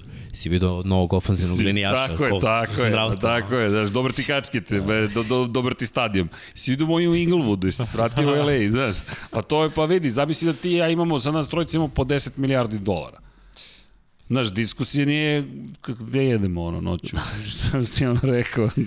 da ne reklamiramo. Mislim da bismo negde drugde jeli. Bilo bi, hoćemo u Nicu, kan, ne znam, lupam sad, nemam pojma, znaš. I gde, gde hoćeš da ideš. I to, to što je to bahato, jednostavno može ti se. Da, a naj, što najviše boli kad te petku i ortaci. A to je uvek naša... Da, čak i ti imaš 10. Viš da ga Robert Kraft ne pecka stalno. Šta? Mislim, Ma Joki, ne, speed Kad ste dial. osvojili posljednji put? To, to, to. Koliko ima titula tvoj Da, tim? gde je vama Brady sad? Jeste bili u play-offu prošle godine? Ko je išao? Washington. Da, da, Ja. da, Riv, da, da. Šta, prekinut vam niz pobjeda u diviziji? A mislim, to tako funkcioniše, šta da se ne lažemo. To je vrlo jednostavno. Pa šta, mi se ne bismo prozivali da, da, da imamo, da držimo klubove. se dovoljno prozivamo i, ovako bez milijardi Ja, miliona. čekaj, čekaj, da se mi vratimo na jednu prozivku. Da, Bogdan nije tu, ali cijela ekipa, da inače po, mnogo ljudi radi u Infinity Lighthouse za koje ljudi ne znaju, ali tu je cijela ekipa ljudi koja, koja, koja je došla kao volonterska ekipa, pa onda sad počinje to da bude i malo zbiljnija cijela priča, ali Bogdan, koja je ona muzika, Vanja? Hoću ponovo da se izjasnite, ne, ne razumem. On, koja je ona epska muzika? Epska muzika, hvalio mi se, e, Srki, šta sam uradio, bacio sam ti epsku muziku, evi, da sam. E, Bila je bila, bila. To ti je s mog albuma prvog, s mog prvenca. E, To je tvoja muzika. Da. A, vidi, za Kozmo 76 moraš muziku da, da Pa malo da asistiraš. Nešto ćemo da, da Znaš. smislimo, mora to da bude onako. Video si, dobar, Epski. dobar nam je. Radimo na bloopersima sad, i Radite ja. na bloopersima. Oh, E, pa ajde tamo da oh, najavim. no. Odradio sam Da najavim. muziku za, Za blooperse? SK NFL. Za SK NFL. Ej, pa ili, ili imamo Pa ne, nešto? pa polako. A čekaj, Čekamo. pa daj da Treba prezentujemo. nam, treba nam video. Ne, prezentovat ćemo onako live. Hoću šokove. Sam mislim smo pustili kombajn pre, pre 99 jari. Ne bi bilo to je tako. Mora ono... Ljudi da se oduševe u live-u. Tako, tako, tako ih ovaj, ku, kupujemo. to, to, to, to, to. Like, subscribe. Subscribe, like, subscribe, like, subscribe. Da, be, Petar je napravio ne, ne, neviđene 3D rendere za, za kosmos, tako da tu sam baš, baš ispalo dobro, ali to ćete vidjeti. Jeste, jeste. Nisi video? Jasno kako ne, pa sve sam pregledao. Super je. I uči nas, kao to što vi želite, to su, ne, šta je rekao, ne sad sam zaboravio koja nebeska tela, rekao, ok, Petri. Roka i snima. pa ovaj... I da, čekaj, ko je tamo? Pa na snimanju, ja što ne smijem da zamislim šta je sve snimano na kombajnu, šta je na kombajnu, šta je sve snimljeno. Imamo. I što ste ubacili moj gori skok u snimak? To sam hteo da Nije vas pitam. gore, nije istina. Jeste, jeste Nije, gore. nije. Prvi skok ti je bio Skok u bolji. vis. Ne, prvi ti je bio, isti su ti skokovi. Nisu isti, drugi je bolji. Ni... Šta nije? Don Pablo. 3.02 je Ko bio skok da je, drugi. ubacili smo ti bolji, svakako Ko- nismo znači, sigurno loše. Ne, odnose. 100% loše zato što se za drugi nisam uopšte pripremao, nego sam samo skočio. To je Jimmy prokomentarisao. Šta će ti priprema? Nek pogled Don Pablo, 3.02. ja sam ubeđen da je isti bio A tako znači, za meni jesi primjer, se vidiš neregularnosti kako se otkriju u E, podcastu. bitno je da ti je upisana tačna vrednost. Da. To što E, je na jeste snimku, upisana tačna znaš, vrednost. Snimak nije bitan. Kao ni lažna vest. Ja sam je bitno, bitno je broj. Tako je, broj, je e, broj bio dobar. Bio je Vidi, dobar. ali vidiš kako može da se izmanipuliše javnost. Pa naravno. Mogli smo mi tamo da stavimo da Srki odleti u kosmos. nije, nije. Ali nije se dalo, ni gravitacija je bila suviše moćna. Pa, No neka, ja sam prezadovoljan ljudi. Hvala. Thank you for having me. Znaš, moment. pa, ej, ovaj, šta ćemo? Šta šta To, će? to je to. Kao, Pa, to je to. to je ovako... ra- Hoćemo jednom u životu. ne. Nema nam Jimmy, pre ponoći misliš, pa čekaj. Ja, mogli nismo bi stvarno završiti. i odgovore imali, nismo ispoštovali. Ajde, koliko malo. ljudi nam je tu. Vraća nam se Tibo u NFL ko tight end. Ja, ja se nadam vraća da se- to šala. Vraća se na kamp. Što šala? Ti je spreman. Mislim, igrao je Šta fali? Pa, koliko je spreman, Pa, realno. vidio sam kako izgleda, mislim. A kopanje. dobro, znaš, i sam to nije isto. Pa do, nije, nije on prepisao ugovor, on ide na kamp. Slušaj, Mora na kampu da obezbedi ja? mesto na rosteru ako ga Da, obezbedi. ja idem Da. na kamp. Tibo. Na Tibo, Lepo, ja na kamp. Srki, može samo ovako Neki da kamp, 99 yardi. E, znaš na kamp. Tibo legendi. E, Trebalo bi dovedete kombajn za gledalce, onaj sa najboljim rezultatom da gostuje u podcastu. Da, ovo može sledeće godine. To ostavljam Moje coachovima. pitanje, molim te.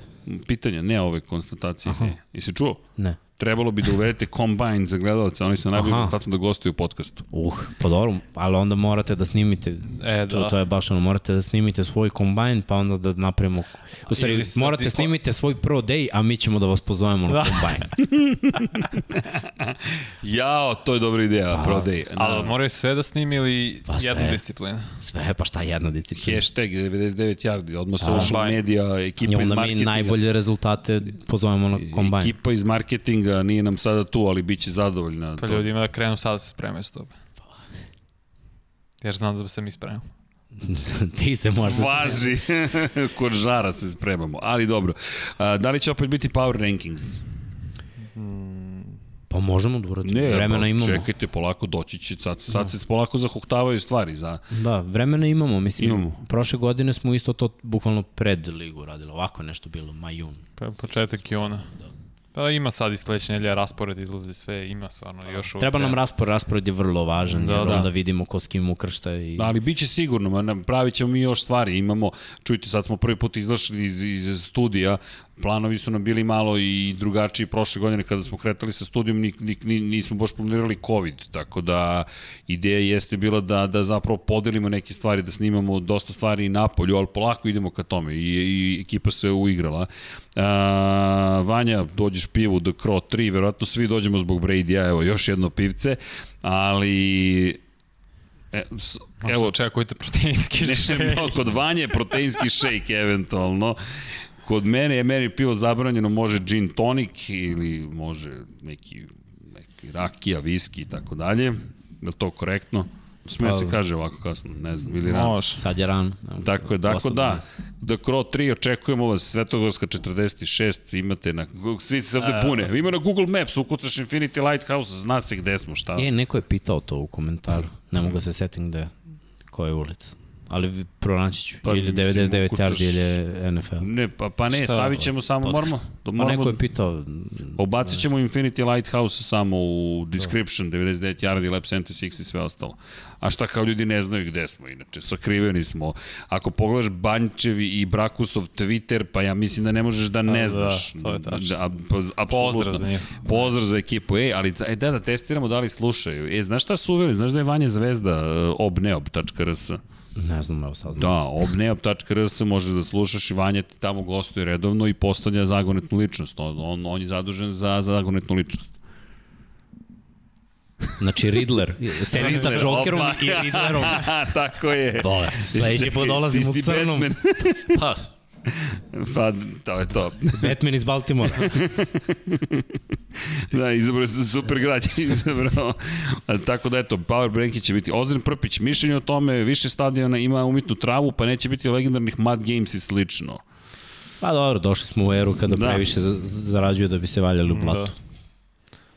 Mislim, mogu Da. samo da kažem, kada pogledamo kako sport uopšte ide, koji se igra notorni futbol, mislim, stadion trava, to je sad sve, sve više i više fantazije.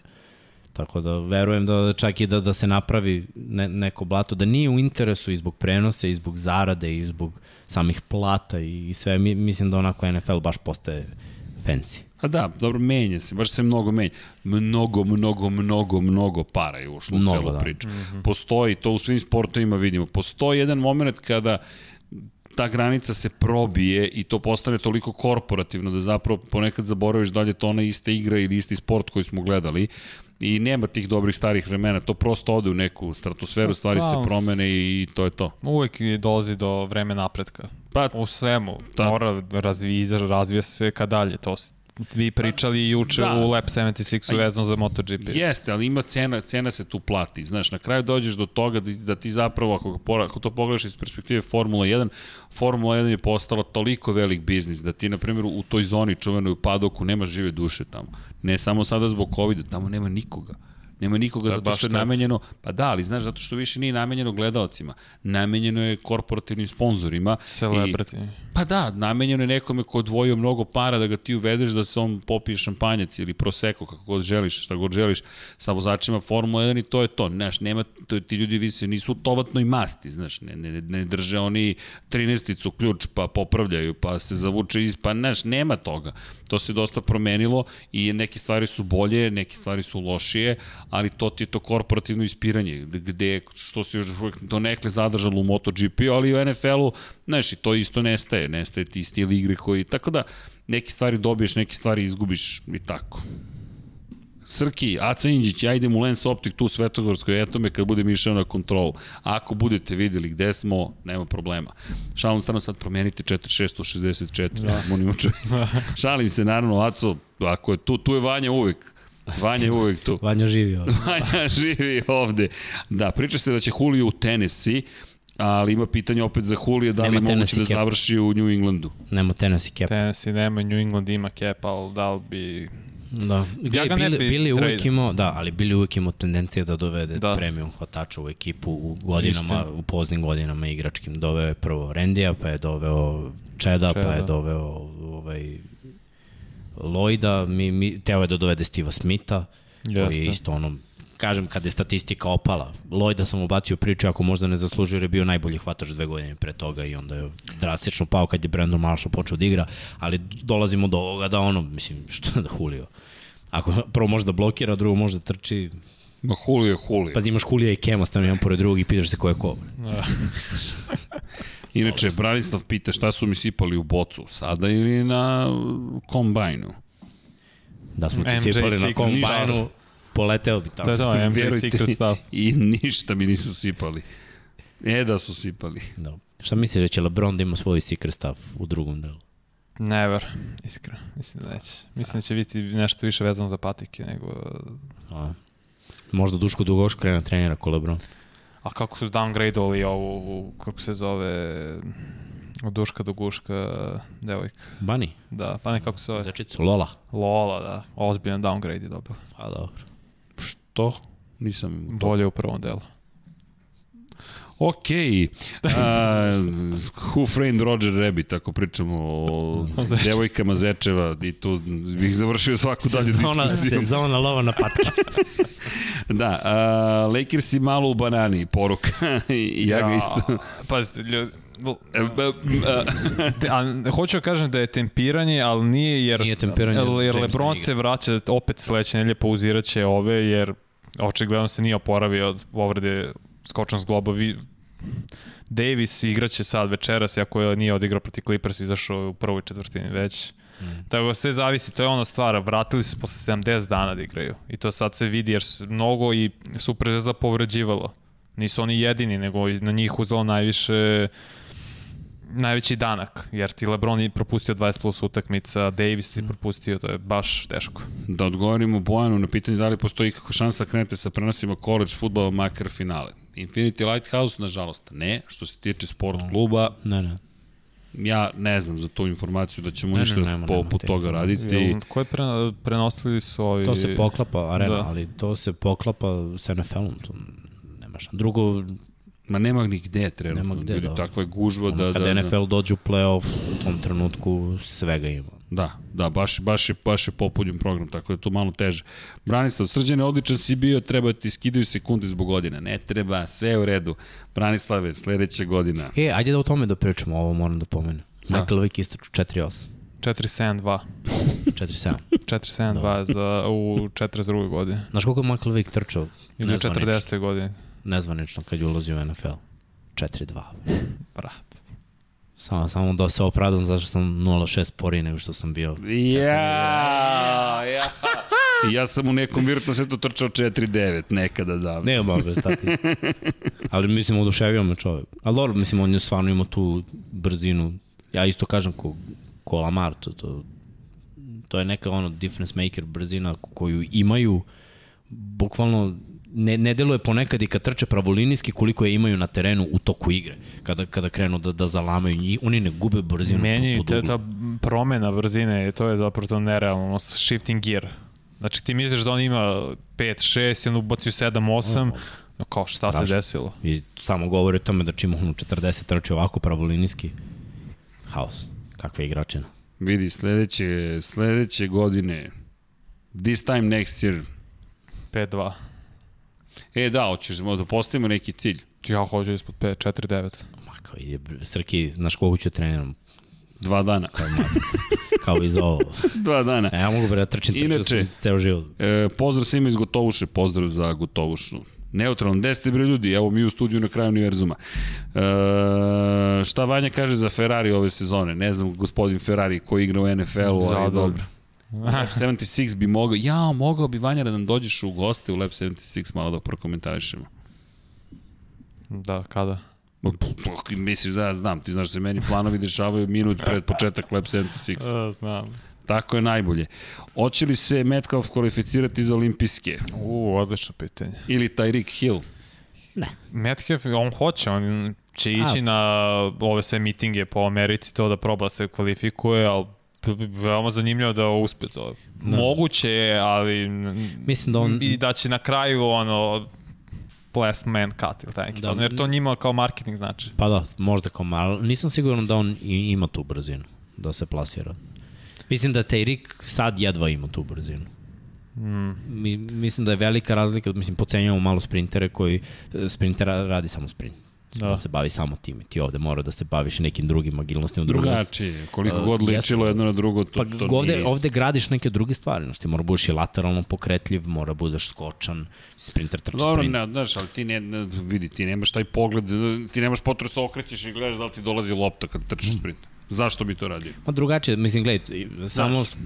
kada trčiš, brojiš i korak, baš mora se posvetiš da treniraš tome. Da. Koliko koraka u Da. polasku, koliko koraka u ispravljanju, koliko koraka do ovoga, ili, ili sad ne znam uopšte ni koju disciplinu, znam da bi On- Terik trčao 200 Ovaj hoće ne 100 metara, Hoće 100, pa- ali ja ga vidim možda ako nekako uspeo možda u štafeti, jer dele mi brže kad pokup, kad već krene, ima neku Da. brzinu i onda samo ubrza Metcalf, nego ako da krene Pa start visok go. je, znaš, Pa visok. 6-3, Zato. mislim. Redki su 6-3 sprinteri, znaš. Da. I Ovo vrlo re, još on nosi veliku kilažu na sebi. Tako je. 105 kila, mislim, nije to malo. Da. On Ovo je nosi kilažu kao da mu je teška ta kilaža. Eto Da. to da kao on je spano ono strvina jake, ali vidi se, znaš, ono, vidi se da je kruz zbog te kilaže. Neko je pitao ja da podržim kada ćete zovete Žuleta da iskomentariše Rodgers sagu. Evo, odgovara Milutin Žule zauzet Ruskom ligom. pa, Žule, da, non, non stop je manje više na sport klubu.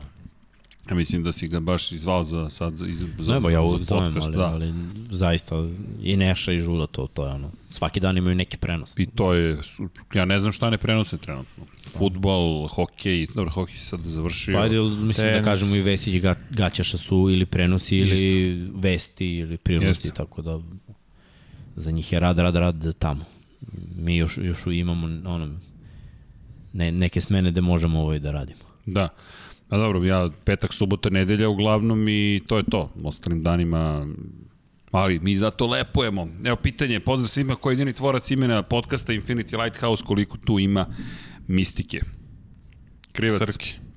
To mi je palo na pamet na moru zato što volim svetionike i onda mi ideja bila da napravimo mesto gde, gde svetionik je me, će pokazati onome ko hoće da svrati ovde, da je neka luka u kojoj ja verujem da pričamo neke lepe, pozitivne, dobre priče, u, u ovom slučaju o stvarima koje mi volimo. Američki futbol, to je NFL, trkanje, svemir, ko zna koje će što teme biti, onda Infinity, ajmo da bude beskonačno, onako, jeste malo mislično, a drugo volim broj 8, kao klinac sam u rukometu nosio broj 8, pa kao rekao, ok, Infinity, imamo osmicu, eto, to je bila neka ideja. U tom trenutku to je bilo samo u mojoj ludoj glavi i bio sam raspoložen da to napravimo, onda mi se pridružio gospodin Vanja Milićević, a onda Miksa, Jimmy, ostatak ekipe, svi su skočili i rekli, ok, ajmo da radimo, šta radimo, ovo sve što vidite, to smo sve zajedno napravili, izmislili bukvalno. Preselili. Gledaj, imamo veliku pomoć ljudi, svaka čast, hvala vam. Mislim, Zaista hvala. krenuli smo sa, sa ono, mo, moja četiri dresa, mislim, Pa, a, sa, sad da. smo došli do toga da, da ih imamo 20 plus, mislim, velika stvar. Ma, ma, Imamo ma, ono- energija koja se Ma generiše, ma sve što nije- delite je sa to nama, to, emocije, to je neverovatno. Nije, nije samo on dres ili za sve što smo dobili od vas, nego ajde da pričamo o, o tome što stalno, kao, kao da su prije, znaš, očekujem već komentare određenih ljudi, znam da su tu uvek. da, jeste, jeste, jeste, jeste. Da, dajete nama neku energiju da, da, da mi idemo dalje, jer volimo istu stvar. Pa da. Što je, što je super. Pa da, ne, i ovo što vidite, to, to je krenulo bukvalno od emocija, krenulo od te ideje, ajmo nešto da pravimo u što mi verujemo i to je, to je manje više to. Nismo ni sanjali da će ovaj zid da izgleda ovako, da će biti popunjen svim potpisima koji se nalazi i hvala svima koji učestvuju u, svem, u stvaranju svega toga i, i ekipa iz, ne znam, Vish and Go, ekipa iz Sportlighta, ekipa koja iz, pod kapicom, pa birajte. Pa, blok po blok. Blok da. po blok, pak u glavu, ne znam, futbolski globus. Mislim, SKNFL je bio, pa mislim, prvi posle Lab 76, je li tako? Ne, Vish and Go, ne, ne. Lab 76, pa Vish and Go, pa SK NFL. yardi, pa Vish da, 99 and Go. yardi, ali dobro, to smo pa, snimali još pre studija pa, u kancelariji. Kronološki gledam, da, da. da, to je isto bilo zabavno. Čuti, SK NFL bio na tribini, brate. Dobro, da, to je... to, to je dve godine bilo na, na tribini. Istina. Da, Žule, nadamo se, e, zove se futbol jer je lopta dugačka jednu stobu. Futbol, da, to su neke teorije da, da, da, da je tako nastalo. E, Žule neki dan bio u futbolskom globusu, ima nešto pa. drugo. Žule je izmislio futbolski globus, a mi smo podržali Žuletovu ideju, Žule je pozvao i rekao, sređene, imam, hoću da pravimo futbolski globus. Žule, studio je tvoj, a onda je zvao i rekao, hoću da pravim nešto sa hokejom. Žule, izvoli, e, to je naša ideja, pak u glavu da se zove, nadam se da se dopada ideja. Sto pak u glavu, pa u glavu, gađaš u glavu. Odliš, odlično pitanje na kraju za goste, koliko puta si dobio pak u glavu. to uvijek dobro pitanje, da. Ali pazi, to je isto palo na pamet u kafani, modernoj. Žule je autor te emisije, tako je, tako da Žule baš se trudi da bude tu, ali verujte toliko, svi smo rasprodati manje više i snimamo i podcaste i komentarišemo i imamo neke još poslove, treba sve to organizovati i to nešto što se zove, jel te, privatni život, o tome često pričamo, ne, ne poznajemo ga, ali... Ne, to. ali okej. Okay. Pazi, sumnjiv mi je Jimmy, da ti kažem, dve nedelje za redom ga nema, A. znaš, kao knjiga uči, važi. Sledeće godine on drži časa, ja ću da učim. ne, ne, sva trojica učimo, a Jimmy tu dominira sam. da, Sonija nema ove nedelje, ali nemojte ništa da brinete. Da. Evo, kaže, posle pet meseci krenuo konačno blok po blok, Žile kod jedan mraz. Da. Neće ništa komentariš. Ne, ne, Džile je poseban. Džile mora da nam dođe ne, on, neki on podcast car, bez imena. ne, on je car. Super, blok po blok ima i sjajne koste. Ono, ako si košarkaški um, znaš košarku, stvarno ceniš njihove goste. Da, da, da, to su ne, nerealni gosti, stvarno. Yes, nerealni. Cenim njih, pa... Da, da, da. da doći ćemo, doći ćemo do gosti. Tako je. A inače, važno je zvati se Ivan Nedeljković za Infinity Lighthouse. Znaš da ima još jedan Ivan Nedeljković? Da. Stvarno? Da, u paku glavu domaćinje Ivan Nedeljković. Nekadašnji sudija iz NHL-a. I tako je, ukoliko se zovete Ivan, prezivate Nedeljković i vi se javite. Srki, rane predikcije koja ekipa uzima prvog pika sledeće godine? Znam koja ne uzima, odmah da vam kažem. ne, ne, daleko je. Neće daleko. biti Jetsi. Ne, stvarno, ko bi uzeo? Houston. Houston. Moglo bi da se desi vrlo lako, da, ali njihova da. divizija im možda ne omogući da. to da urade. Da. Ja sve nešto mislim da će neko iz istoka NFC-a. No, ne, baš nema prave. Pazi, da. mogla bi Atlanta sve danas iznenadi i za... ja, ja. Na primjer. E, ne, Erceg odmaraš li ti nekad? A, pa je, priča se o tome, priča se, ali ne, u ovom trenutku ne. Ali to je ta ideja, imamo neku ideju da izguramo neke stvari, pa zato. Da, da, da, Napravit će se legenda o tome. Je. Inače, kažu da Gile navija za Raiderse da je pričao jednom. Ne mogu on prati, on prati baš. Ne, on, on pa baš od... američki sport, da, da, da, inače sport prati. Voli, voli, voli. Jeste. Miksa koji od ruki wide receivera će biti najbolji ove sezone? Kao Jefferson prošle. Je, pa ove godine malo drugačije. Uh, zašto je drugačije? Zato što ove godine sad imamo te tandeme. I sad kad već moram da, da biram tandem, s obzirom da, da, da Buru se vraća, da ja tako gledam, ako on bude igrao, Chase će biti najbolji. Zato što je, mislim, u pravom sistemu Sinsi baca dosta, takav im, mislim da im je to pogrešno, ali tako igraju. Prošle da. godine je Higby imao, ovo ne Higby, nego Boyd. Boyd imao dobru sezonu i Higgins imao A, dobru, Higgins. taj Higgins mm -hmm. imao dobru sezonu i ove godine ja verujem da, da će Chase imati bolju sezonu od obojice. Jer Buru će se okretati ka njemu. Ako Buru bude igrao. Ako Buru ne bude igrao, pa ovo, onda onda će biti onako baš, baš, baš čupavo. Ja bih volio da bude Bateman, ajde. Kažem šta bi ja voleo. Sumnjam iskreno da, da će biti on, a, ali vrlo lako bi moglo da se desiti da on postane ta spoljašnja opcija ko, koja će imati dosta. Ono što želim da kažem je da 800 yardi e, je neki minimum koji očekujemo od e, Chase-a, od Batemana, od Evontea Smitha i od Vedla. Od njih očekujem 800, 800 yardi. Da, to je, e, da kažemo, za prvu rundu kao prošle godine 700 yardi je bilo uglavnom za, za sve koji su bili u prvoj rundi. A prošle su godine su malo imali ovi hvatači težu tranziciju sem realno Justin Jefferson. Pa jeste. I Kazinc je vrlo dobar quarterback. Jeste. Ruggs imao problema s povredom, ovaj Jerry Judy imao la, Loka, tako da. No. Ali opet, mislim, imaće on Loka i dalje. Znaš. Znaš, op, Hurts je mlad, ali ja verujem da, da, da Smith može do, do nekih 700-800 yardi, isto verujem za Vedla, jako je tu, a isto verujem za, za Chase-a verujem da može prevoditi. Ja mislim da Pitts može kao tight end da ih sve predvodi, s obzirom gde je. Ja imam pitanje Ako off topic. Imaš li srke informaciju da li Bundesliga serija prelaze na sport klub sledeće sedmice? Nažalost, moram da kažem da nemam. Nemam, nemam ne, ja informacije nemam o Formuli 1. Ja saznam za Formulu 1 da li imamo prava za sledeću godinu na poslednjoj trci sezone. Pozove nas direktor i kaže da vam kažem da imamo od sprava za sledeću godinu. Češ da odgovorim za tebe? Molim te. Može kada? Nema život, nema informacije. Idemo dalje. hvala, hvala, hvala. Vanja, imali nade za Jima Harbaugh da vodi opet NFL tim? nakon što istekne novo potpisan ugovor, osobno mislim da je ok coach. Jeste, on je vrhunski coach. Vrlo je dobar trener. Ali je legenda tamo, Jest, na Michigan. Na Michigan. Ali opet nije ostvario ono što podigo je nivo, uh, on realno Michigan na novi nivo, da što je Michigan pre njega bio grosan skoro. I igraju mnogo bolje, ali sad cilj je Final Four. I on mislim da će to juriti, da. to jest ovi zapravo college playoff, dok to ne ostvari, mislim da će ostati tamo. No, i on ima onaj sistem, taj college, on je old school trener. Yes. Sad, danas svi treneri koji dobiju posle su mlađi treneri. Da, da. Mislim da old school mentalitet ne ide, sad, sad se da izvini, ti si ovo mlađa generacija, ali mislim ja treniram mlađu generaciju i old school mentalitet ne ide sa mlađom generacijom. Mlađa generacija je nekako sklona drugačije. Pre, prede ne ide kad zarađuju milione. Da, ima, ima Smena i toga. generacija. Ali, da, ali nekako i ovi koji ne zarađuju milione, mislim, kad dođu i, i na kolaž i sve, nekako je danas sve drugačije, znaš. Nema više te, te, te neke ono, želje pa, da... Kada da ajde pričamo nešto. o tome, Miksa dobijaju li Vukovi u subotu, pozdrav za najjaču ekipu, pita Njegoš Damljanović. Ja verujem uvek u pobedu. Tako da mislim, mislim da je ovo ta sezona za, za, za Vukove, za prvi tim govorim, jer je smena generacija odrađena i ovo su klinci koji, znaš, ali to su i klinci koji su zajedno, to je ono što hoću da kažem, klinci koji su zajedno igrali kadetsku, koji su zajedno igrali juniorsku i sad zajedno igraju u prvom timu. Znači, to su Hemija, sad već godine, ali oni zajedno idu u teretanu, u Kragujevcu. U Kragujevcu. Da, zajedno idu u teretanu, zajedno su na svim treninzima. Ja treniram kadete, imamo paralelno trening.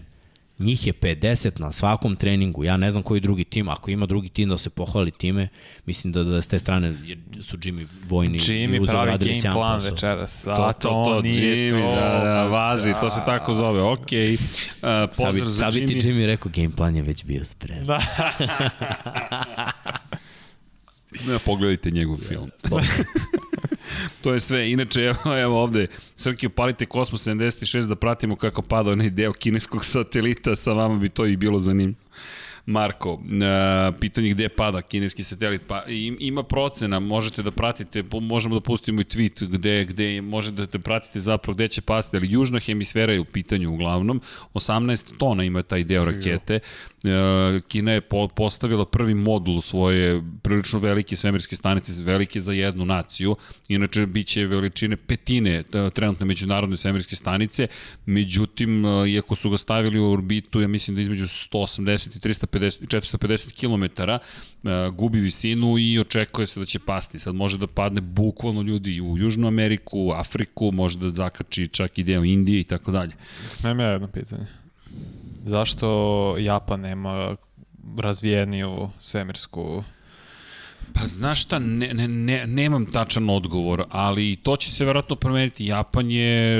Pa on je tehnološki je možda od li, pa, jedan od lidera u svetu. Pa jeste, ali Japan učestvuje u međunarodnom programu, znaš, sa međunarodnom svemirskom stanicom, drugo Japan je posle drugog svetskog rata bio saveznik sa Sjednim američkim državama, vrlo bliskoj saradnji su i tu, tu negde pretpostavljam da leži odgovor na pitanje. Inače, Kina i Rusija su sada potpisali sporazum o tome da će zajedno da se spusti da, da, da formiraju bazu na mestu. Ali, odo smo mi u Kosmos 76. Šta je sa pojemom cijenoć na nebu sateliti ili, pa pretpostavljam da mislite na Starlink. Starlink je juče bi mogao da bude viđen u severnom delu uh, Srbije, mislim da je čak i preko Bosne i Hercegovine deo Hrvatske prelazio, a, koliko se seća, sad na pamet pričam koliko se sećam orbite koje je trebalo sinoć da ima, ukoliko ste videli veliki broj tačaka, to je onda Starlink. To je opet kompanija SpaceX, Ilona Muska i to su sateliti koji se koriste za uspostavljanje superbrze internet konekcije. Pričali smo o tome, to je biznis model leži na tome da se smanji brzina odziva između njurške i londonske berze, pre svega tu će biti izbor prihoda i da se omogući drugima pristup internetu. Šta je sa MMA podcastom, to Vanja može vidim da prati. Pa ništa Vanja, znaš što da napravimo novi podcast koji se zove Nogom u glavu.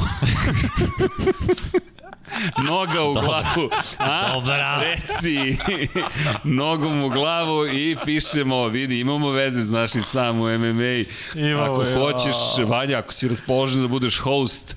Prvo sam teo da kick. vodim ovo za, za igrice i za istoriju. Čekaj, korak po korak da se zove korak po korak. Ne. Ali eto, nogom u glavu vidi. Volim, volim MMA, volim UFC, stvarno. Vanja ne da voli, ne spava, da, da bukvalno Živi ne spava. Ali, eto, može, zašto da ne, smislimo i krenemo, ako, ako želiš. Ja o tome zaista ne znam ništa. Želim prvo ovo Mogu sa, da ti pevam Here igri... Comes the Boom, razumeš, i to je sve. I da budem kao onaj profa u filmu, da, da, da skupljamo pare, da me neko mlati. Želim, želim prvo igrice, pa onda ko zna. Evo, Pako Glavo je barem 30% glasniji nego 99 yardi, moram se stalno naprediti da vas čujem na laptopu. Igore, to je zato što se oni deru. Šalim se, naravno, ne znam, to... Ni, to, to je snimljeno napred, to ja posle... A, da, Vanja u postprodukciji to malo... Namestim, ali... Ništa, morat ćemo da sredimo ovde kod nas, malo da pojačamo Abled. izlaz. Ok, sredit ćemo. Hvala Igore za informaciju. Uh, kradite kruh Petraku i Hambiju. Ne znam ko su Petrak i Hambi. Šta šta nisam razumio? Uh, The Crow 3, ne znam da li je ovo za MMA ili za Kosmos, ali... ali šta, su... šta, krademo je? Kruh Petraku i Hambiju. Nardo, ne znam. Ne, čovjek kaže da uzimamo nekom poslu, ne znam ko, ko su ljudi. Ne znam ja. Ne pratim ja, ja našu MMA scenu i to ja gledam ove iz Amerike. Ko zna, možda smo, e, evo kaže, šta mislite kakav će golf da bude u Detroitu, da li će Perry Sewell imati veliki utjecaj u prvoj sezoni na igru quarterbacka? Hoće. Cela ofenzivna nije bolja, realno. Jeste bolja, ali Evo, Petar su za MMA, vidiš da smo lepo pretpostavili. Ne pratim, ne, ne, ne, ne, ne, ne zamerite dosta je problema za, za Detroit. Yes. Počeš od novog trenera, preko novog tima, preko cela situacija je nekako ono godinama gubitnička i loša i sad očekujemo od Goffa da, da nešto promeni. Goff nije čovek koji može da promeni bilo šta. Detroitu pot, potrebno lice franšize. Goff jedva do... Ali to nije. Da, Goff jedva dovodio ekipu do play-offa, kakvu, kakvu odbranu i, da, i da. kakvu ekipu. Sad ima 10 puta goru ekipu, znači nema nade za Detroit, bar sledeće godine. Evo da parafrazim. Eto ti, evo vam prvi pik na draftu, potencijal. Evo da ovo je zanimljivo pitanje, evo samo da, da top 5 pobednika i gubitnika ovogodišnjeg drafta imamo pitanje kada će dođe neko ko navija za New England da komentariše. A, gospodin se zove Nenad Milunović. Da. I da, navija i tekako. Pa, ajde da kažem ovako, ne mogu kažem top 5 pobednika. Uglavnom su svi radili dobar posao, ima par timova koji su odradili slabiji posao nego što sam očekio. Pi, pa, čak i Pittsburgh radio bolje od onog što sam, prvo meni je Seattle odradio grozan posao. Nisu ni imali... Nisu, ali od onog što su imali morali su da, da, da pogode. Sviđa mi se Eskrč kao hvatač. A, znam da ti se sviđa kao hvatač, ali imaju oni sto falinki, mislim. Znaš, treba ta lopta da stigne od centra do rasela, od rasela do hvatača. Ne znam kako će da stigne, iskreno. Mislim da je to veliki problem koji Seattle nije, nije rešio i, i zato oni su mi najveći ove, tragičari ovog drafta. Pazi, mogu kažem, realno Miami, Chargers i Baltimore su odradili baš dobre poslove. Je Cleveland. Cleveland, bravo, bravo, bravo. Nije bravo, top bravo, 5 bravo. sigurno, Da, što da, se drafta da, tiče. Brojni Chicago nije loše prošao. A Chi- Chicago je, znaš, Ako bode, nisu- Fields je super, najbolje je prošao. ali da ostatak razumemo. tima, znaš, mo- moram gledam taj, naš, Jasno. koliko, koliko je njihov draft pomogao, oni su se rešili mnogih pikova nadalje, da bi uzeli jednog dobrog igrača, on, on će biti razlika, ali nedovoljna za silne probleme koje imaju. Ja, Jacksonville, mislim, i realno i Jets Pa, su radili super posao. Meni se sviđa što su No, gle, mnogi timovi, ja stvarno hoću kažem da, da 20 timova je odradilo sjajan posao. Ima par Da. timova koji su odradili slabiji posao. Meni je Seattle jedan od gorih. Mogu da kažem da sam više očekivao od Pittsburgha, jer sam mislio da, da, da će birati tu ofanzivnu liniju pre svega. Uh, moram da kažem da sam od Atlante više očekivao, nevezano za prvu rundu, mislim za, za ovo dalje što su imali, jer i oni imaju mnogo rupa. I imamo, ima jedno pitanje, Lord Praus ima, uh, šta mislite dok nema školice da objasnite koncept franšize, kako funkcionišu te stvari koje su van terena? Niste, va, niste nikada dosadni, kaže dosadan sam opet. Pa možemo, ali ajde da ostavimo to za sledeći put. Mislim, malo je kompleksno. Ne sada, nego generalno Da, da, nema možemo, školice da, da, da, da iskoristimo priliku, na primjer, naredne nedelje ili u nekom Da, da, možemo. Ali šta znači to da objasnimo franšizu? Pa znaš kako, kako to funkcioniše?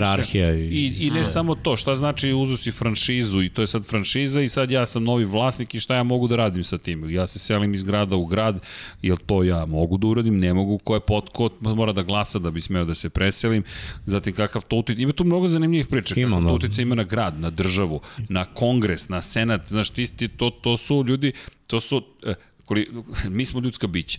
I sad, kao, to je sad sportska ekipa. Ne, to je mnogo više od sportske ekipe.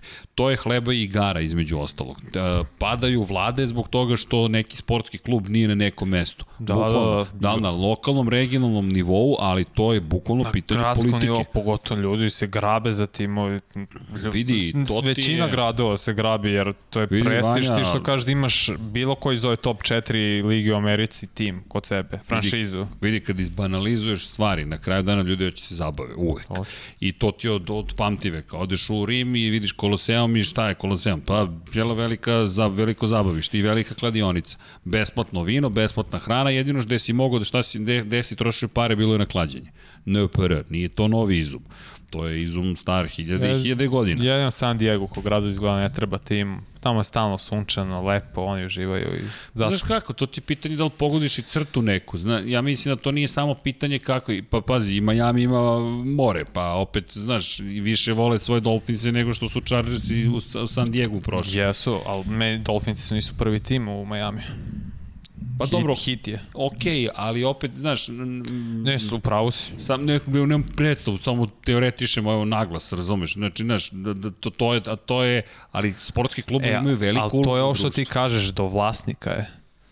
Na, jer o, vlasnici Chargersa, Spanosi, oni su realno škrtice. Oni nisu hteli da je nove pare za stadion u San Diego, nego su rekli pa može to e, građani da pokriju. Vidi, to je velika šalješ, igra. pa da. Znaš, ti si pravičan iz iskustva, iz po, ono, po ono što znamo o tebi, ti si pravičan. To nije pitanje pravde, to je pitanje moći, uticaja i love. I ti na kraju dana gledaš, šta, Las Vegas je mora da dobije svoj tim. Mm, Oakland je bio problem. Pa Las Vegas mora da dobije zbog para, da, budemo, da, Da. se ne lažemo. Las Pa da. Vegasu je to bio potrebno industrija. Novi zabave, stadion, nova tako je. zabava.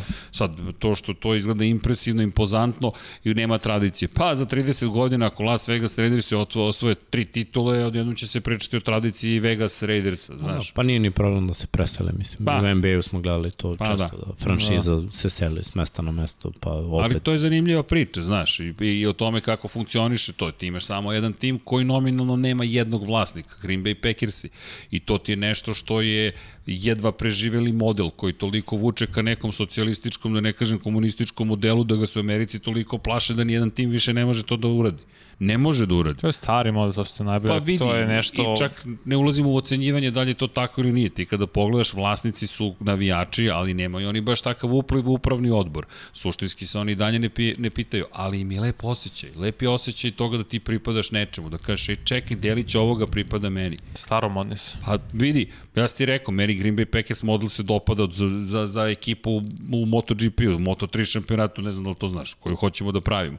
Zašto? Pa kad imaš, ne znam, 50.000 ljudi koji da 10 evra godišnje, ti imaš 500.000 evra budžeta koji ćeš potrošiti za tili čas jer je to super mali budžet u svetskom šampionatu u motociklizmu, ali nemaš jednog velikog sponzora koji tu cenjuje itd. itd. Ali to su zanimljive priče, makar meni, ali tako.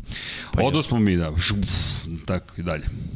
Da li... Uh, Ovde se razvila priča o MMA. Da li će Tampa opet osvojiti Super Bowl? Ma daleko je. Vidjet ćemo. Ko to zna, ljudi? Ko to zna? E, ima, ima, ima zahteva i Browns navijači su se oglasili više puta da prokomentarišemo Cleveland. Pa rekli smo, rekli, rekli smo u podcastu, da. Podcast. Pogledajte SK NFL podcast, baš, baš pretpostavljam da ste to uradili, onda zaista nisam ovdje u sredu. Za Cleveland da. baš jasno. Jedan od boljih draftova i jedan od kompletnih timova. Evo Igor, čao svima iz Zagreba, pozdrav za Zagreb, može kratki komentar na draft Remsa. Malo pikova, pa da. neverovatno mesto odakle su draftovali i slika koju su imali iza. Da, to je baš, baš To je mnogo jako bilo, malo pikova. Oni već imaju tim koji je napravljen za playoff i njima su ovo čisto za dubinu bili pikovi. Da, mogu da kažem, prošle godine online im igralo na visokom nivou, mm. odbrana na jako visokom nivou. Uh, me, mene malo brine ovaj odlazak Joe Johnsona, to je to mi onako, ali mislim... I Troy Hill isto. I Troy Hill, da, ali to mislim da može da se nadomesti. Svakako bi ocenio ono, s onim, s onim što su imali, teško da su mogli bolje, opet nisu imali prvu rundu, dali su prvu rundu za Remzija, Remzi im se isplatio, da. doveli su Stafforda, mislim i za to su dali i to je upgrade odnosno na Goffa. Sad sve ostaje samo da se vidi. Mislim, ne mogu da ocenim njihov draft kao loš, oni, njihov draft je free agency nije prva godina da je njihov draft free agency, ali ajde da kažemo da, da, je, da je tako. I što se toga tiče, pogodili su, poboljšali su poziciju quarterbacka, prošle godine poziciju cornerbacka, malo po malo. Najveći gubitak je defensivni koordinator, što su izgubili. Pa, ali ajde da kažemo da I to može da se... Kogoda da dođe ima s kim da radi. Da, da. Dođeš milinati da radiš onim ljudima. E, vidi, uleći malo i NBA-a. Joker MVP, Jokara MVP i tako dalje. Jokara. Jest.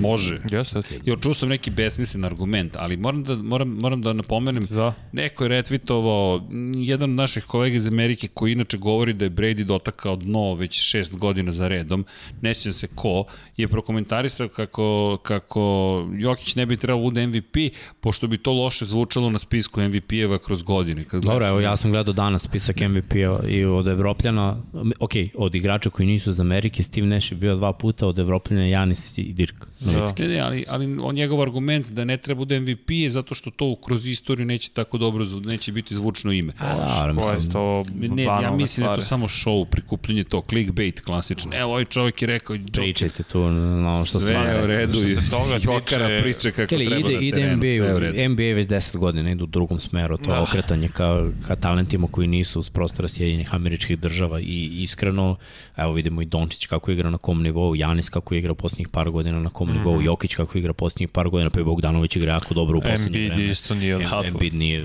tako je. A, i, ben Simons, možemo, možemo da nabrajamo i da nabrajamo, ima ih. I, i samo je pitanje Koliko samo i Kanadžana ima.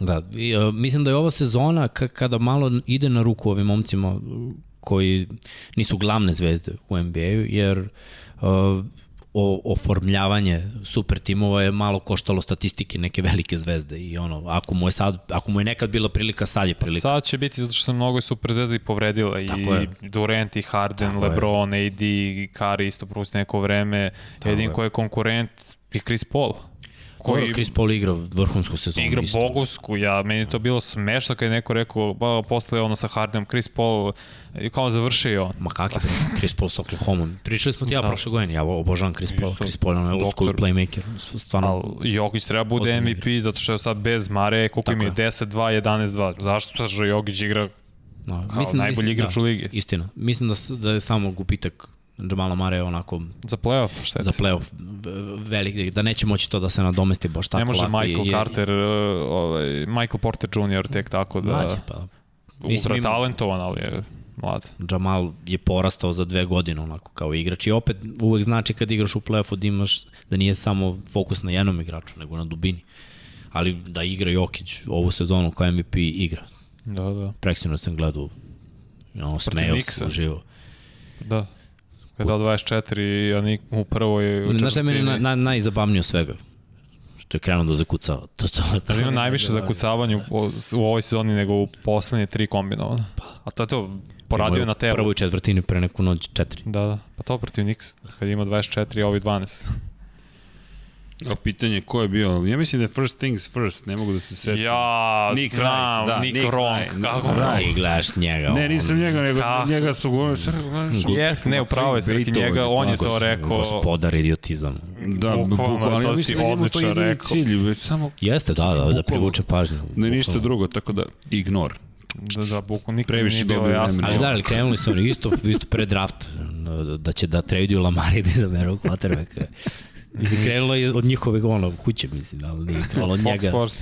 E, Da, o, da, da, pa evo, Niki pre neki dan poveo svoje reči rekao da te TB12 u okviru svoje karijere ima tri Hall of Fame karijere s Major League, jeste, ali dobro, u svakom slučaju čovjek koji eto privlači pažnju, ali da, Rob Parker je već 10 godina govori da je Brady gotov, Ja, to je ono čuveno e, njegovo, e, da. ove godine je sigurno gotov, ali umoriš se posle nekog vremena, Ne stvarno, budeš na nador, Tero, pa. Ja, jednom će da pogodim, znaš. Da, da, jed, jednom ću da pogodim, onda ću reći, evo, sam rekao. Ja sam vam rekao. A, da, sa, sve, evo Stefan kažemo samo Skip i Shannon, ali to je isto show biznis, Jeste. ljudi. Ali A, ovi svi da prozivku. Brady je dobro prozvao Shannona Sharpa, Da. to je super zoom i ne znam ko je sve bio. I, Edelman, Deion ali, Sanders, tako je, ali jako je i Sharp koji nešto komentariše i Brady kao čekaj, ti si moj čovjek, zašto mi nikad ne čuvaš leđe? Uvek si protiv mene. Skip je uvek za mene. I skače Edelman. Tako je uvek hate New England. e, ovo je u Tampi. Ali to je zabavno, vidiš da se oni zabavljaju, znaš, ide, i, i Zašto zoom gledaj, kod njih je sve, kod njih je sve show business. Da, tako A- je. A, ok, možda je malo i do njihovog mentaliteta, znaš. Mi ovde sve shvatamo lično. Pa da, ali to je... To je ono kad se šale, znaš, kako Brian umar, kao da mi je brat. A ne, ne, ne, ne ta, strastven sam, znaš, mislim, svi smo za, za neke druge stvari. Da. Ali najveći je razlog, moram da dokne, ja mogu gu- gubim od skipa, ono i Mountain Dew, kao moram da idem. Izgubio sam bazen love, igrajući protiv tebe, ne, ne, igraju, ne, govoreći da si propao. Da. Dobro, isto tako Ne, za. Lebrona je kontra, mislim. Da, da. On je toliko za Lebrona, a Skip toliko protiv da, da znaš, A dobro, to je show. mi, da. Bukvalno show biznis, ne, ne treba shvatiti to previše ozbiljno. Neki, neki ljudi zaista ozbiljno tome pristupaju, neki manje ozbiljno, ajde da se tako izrazim, i da, u velikoj meri jeste show. Pa Shannon koji je tražio od Brady, kaže, ajde se penzioniši, to je jedina priča koja će biti veća od priče da Rodgers zapravo ide u penziju. Da. A super je bilo pitanje da li bi uzeo onu sezonu bez poraza za svoja dva Jesam, prstena. Rekao odmah, da. Znaš, stvarno je bila legendarna sezona. Da, pa, pa vidi, to je. To je šta je razlika šest prstena i jedna nepobediva sa, u poređenju sa sedam. Pa razlika je da bi Randy Moss imao prst. Da, da. I to zasluženo. I ne samo on. Da, ta ekipa. Harrison, uh, A Santi Samuel isto. Sam, bilo, kako se zvao ovaj linebacker Chargersa što je igrao, više samo mi mozak. Merriman? Ne, ne, ne, Uh, su, su, da. i on. Da, bio tad na junior jeste, junior su, da. Junior. Imate vidio da se morao zaliti senfom i kečapom jer je izgubio opkladu s kolinom. Ko? Ok, neko se zalio kečapom i da, da, mi nemamo ovaj plan taj, da, da idemo ka... Ne, imamo da se farbamo plan. Ne, ne, da, ne, Ali Jimmy to ne zeleno. ako izgubimo, nego De, ko- ako, da, ako da, osvojimo svojim titulu, ja ću rado da se ofarbam u zelenu, ako neće biti čega da se farba, tako da je sve u redu. Mogu ćelu da ofarbam u zelenu i da se šetam ko lud. Ali dobro, mogu bradu da pustim pa se ofarbam u zelenu. Seci. Ej, čekaj. Ne, ej, bližimo se, a nije ponoć Daj da prošla. završimo Ajmo još pre 3 ponoći minuta i da završimo Da. jednom pre ponoći, pre nego što ljudi vide da su tri bundeve ovde. Uh, i, ili cipelice, kako god. Šta je, Vanja? Pa malo se šalim, Vanja, ovo ozbiljno. Ja Ja sam odmah zvadio. ja sam malo neozbiljan, izvinite. To je u skladu s godinama. Srki, jel te, za tebe Washington ima najgore gazdu u NFL, to je moje mišljenje Ognjen Radivojević. Ko ima najgore? Washington. Ah, Najkontroverznije kastu ima. Mo, može tako da se kaže. Pa ne bih rekao najgoreg, ne znam. Meni je ovo opet pričao o San Diego, to jest o Chargersima najproblematičnije. Groz. S obzirom da ti tim držiš u LA-u, razumem sve što želiš da postigneš, ali ti, me, me, ja zaista, bilo mi je Mogu da zadovoljstvo. kažem samo, Molim te, us- tvoj tim. Uskratio si te, tim malim broj fanima što imaš u San Diego da gledaju njihove Chargerse zbog para, jer si ti nisi teo da se otvori za novi stadion i otišao si u LA jer imao, jer imao dogovor već sklopljen sa Ramsima, sa Gronkijem, Znaš vlasnikom kako? Ramsa, da mnogo jeftinije prođeš, a tamo nemaš fanova i uvek će tako biti. Vidi. Osim ako Herbert ne bude briljirao E, jako dve, bude, tri jel, godine. mi, to, to znaš, to je LA, to imaš, nije ti konkurencija Ne, ne. Ramsi, to je konkurencija Lakersi, sve stoji. Dodgersi, Clippersi, znaš šta ti je USC. konkurencija? Uspeh. Jeste, i Ti ti, moraš da budeš najbolji uspešan- u gradu, a ne u, u svom sportu, ti moraš Da, u gradu, jer koja- će uvek vladati. Ali koja ekipa je uz svoj tim kroz sve poraze? Znaš, to je to, to je ono što, što bih ja gledao, ali to je pohvalno za te ekipe. Gledaš Buffalo Bills, ljudi su, navije, to je njima Bills Mafia. Ali šta oni imaju tamo? Pa nemaju. E, to je. znaš, nemaju. To je- Tu je on u pravu. Da, to jeste. Ja, razum, Ja sam hoću da razgraničimo koliko god bilo drugi sportova, nijedan sport nije futbol. Ako si uspešan u futbolu, svi se lože na futbol. Mislim, tako su me bar naučili ovi koji su Ali, dolazili. ali ovde. znaš, sla, složio ali bi se sa skoro svakim gradom, ali E- LA je poseban Jeste jer je poseban. Hollywood, jer... Jeste, sve realno. Znaš, Lakers su tamo već postavili e, temelje. A ne samo to, I vidi to je- osvoje titulu, oni će ih voleti jednu sezonu i to će biti to. Ćao. Ne, zato čemu- kažem za Lakers da uvek će ih voleti, jer je to, Ali- oni to smatraju kao njihov tim. Zašto? Jer koliko je zvezda prošlo kroz LA, što su sve učinili za sam grad, to Ali je imaš- drugo. Tako je, ali imaš još jednu tu stvar. Ni timovi baš nisu ostali tako verni tom istom LA-u. Znaš, i kada su se stadioni raspadali, timovi su odlazili. Ti kad pogledaš, kada, kada su Ramsi otišli u St. Louis, jedan od komentara je bio, pa ja bih otišao na ovaj E, stadion. a, e pa Potpuno to, novi zato stadion kažem dobili, za znaš, Dodgers i Lakers, oni su malo iznad toga, jer Vidi. su oni godinama i godinama, od kad su napustili svoje prvobitne mesta, Minneapolis i Brooklyn, 60, 60 godina su oni u LA-u. Ali vidi, znaš šta je to, i, ali ko nije izgradio? Chargersi, po mom mišljenju, nisu to nikada izgradili. Ti si imao, prećeš LA i Raiderse da imaš, nego što Tako ćeš je, da imaš LA i tako je. Chargerse. Raidersi, da se vrate u LA pa da pričamo o nečemu. Znaš zašto? Koji su uspeh si bili Raidersa? U to vreme kad su bili. Lakersi isto uspešni, tako? Da. Približi se malo nekoliko- van da. fokusa si. Zato što su nekoliko... Zato što su... Ej bre, pustite me da spavam bre. Manuelni fokus. Vanja, precizan. Uh, Raidersi su u tom trenutku bili uspešni godinama. Tako. I kupili su ih. Kogod bude bio, to je, to je grad uspeha, nije samo grad slave. Da, da. Moraš da budeš uspešan. Ako budu bili uspešni, a Remsi ne, preće navijači Nadam da se. idu na utakmice Chargersa. Iako nema veze, mislim, pazi, čak su i boje maznuli jedni od drugih. Mislim da, da, da su Remsi Znam, ali- otišli ali- više u, u ali vidi, ove boje Remsi su da bi bilo u St. Louisu osvojili titulu i bili su greatest show on turf. Jesu. I, I St. Louis pored toga to. ima jedan baseball tim, ima hokejaški tim, ali Rams su bili glavni. Zato sam ja volao da su Chargersi otišli San Antonio, jer su fanovi Sparse i San Antonio verni svojim, spa, uh, svojim Sparsima, a verni bi bili Chargersima. Zašto? Jer im to je jedina animacija, jer nemaju niti baseball tim, niti hokej tim. Ima i toga. I opet ja hoću samo kažem da više se gleda futbol u Americi, da sama draž Jeste. da odeš da gledaš američki futbol je mnogo jače nego da ode. Lakers je okej, okay, playoff. Da. Meni da daš kartu, mislim ono, I, ali- da sam u levu svaki dan i da moram kupujem kartu da gledam utakmice čekaj, gde se oni trčkaju po terenu i šutiraju trojke Čekaj. i da gledam američki Čekaj, futbol. Koliko utakmica imaš godišnje NBA? Tako je. Imaš 80, sad imaš 72, Ok, 82 koliko je kod ima. kuće?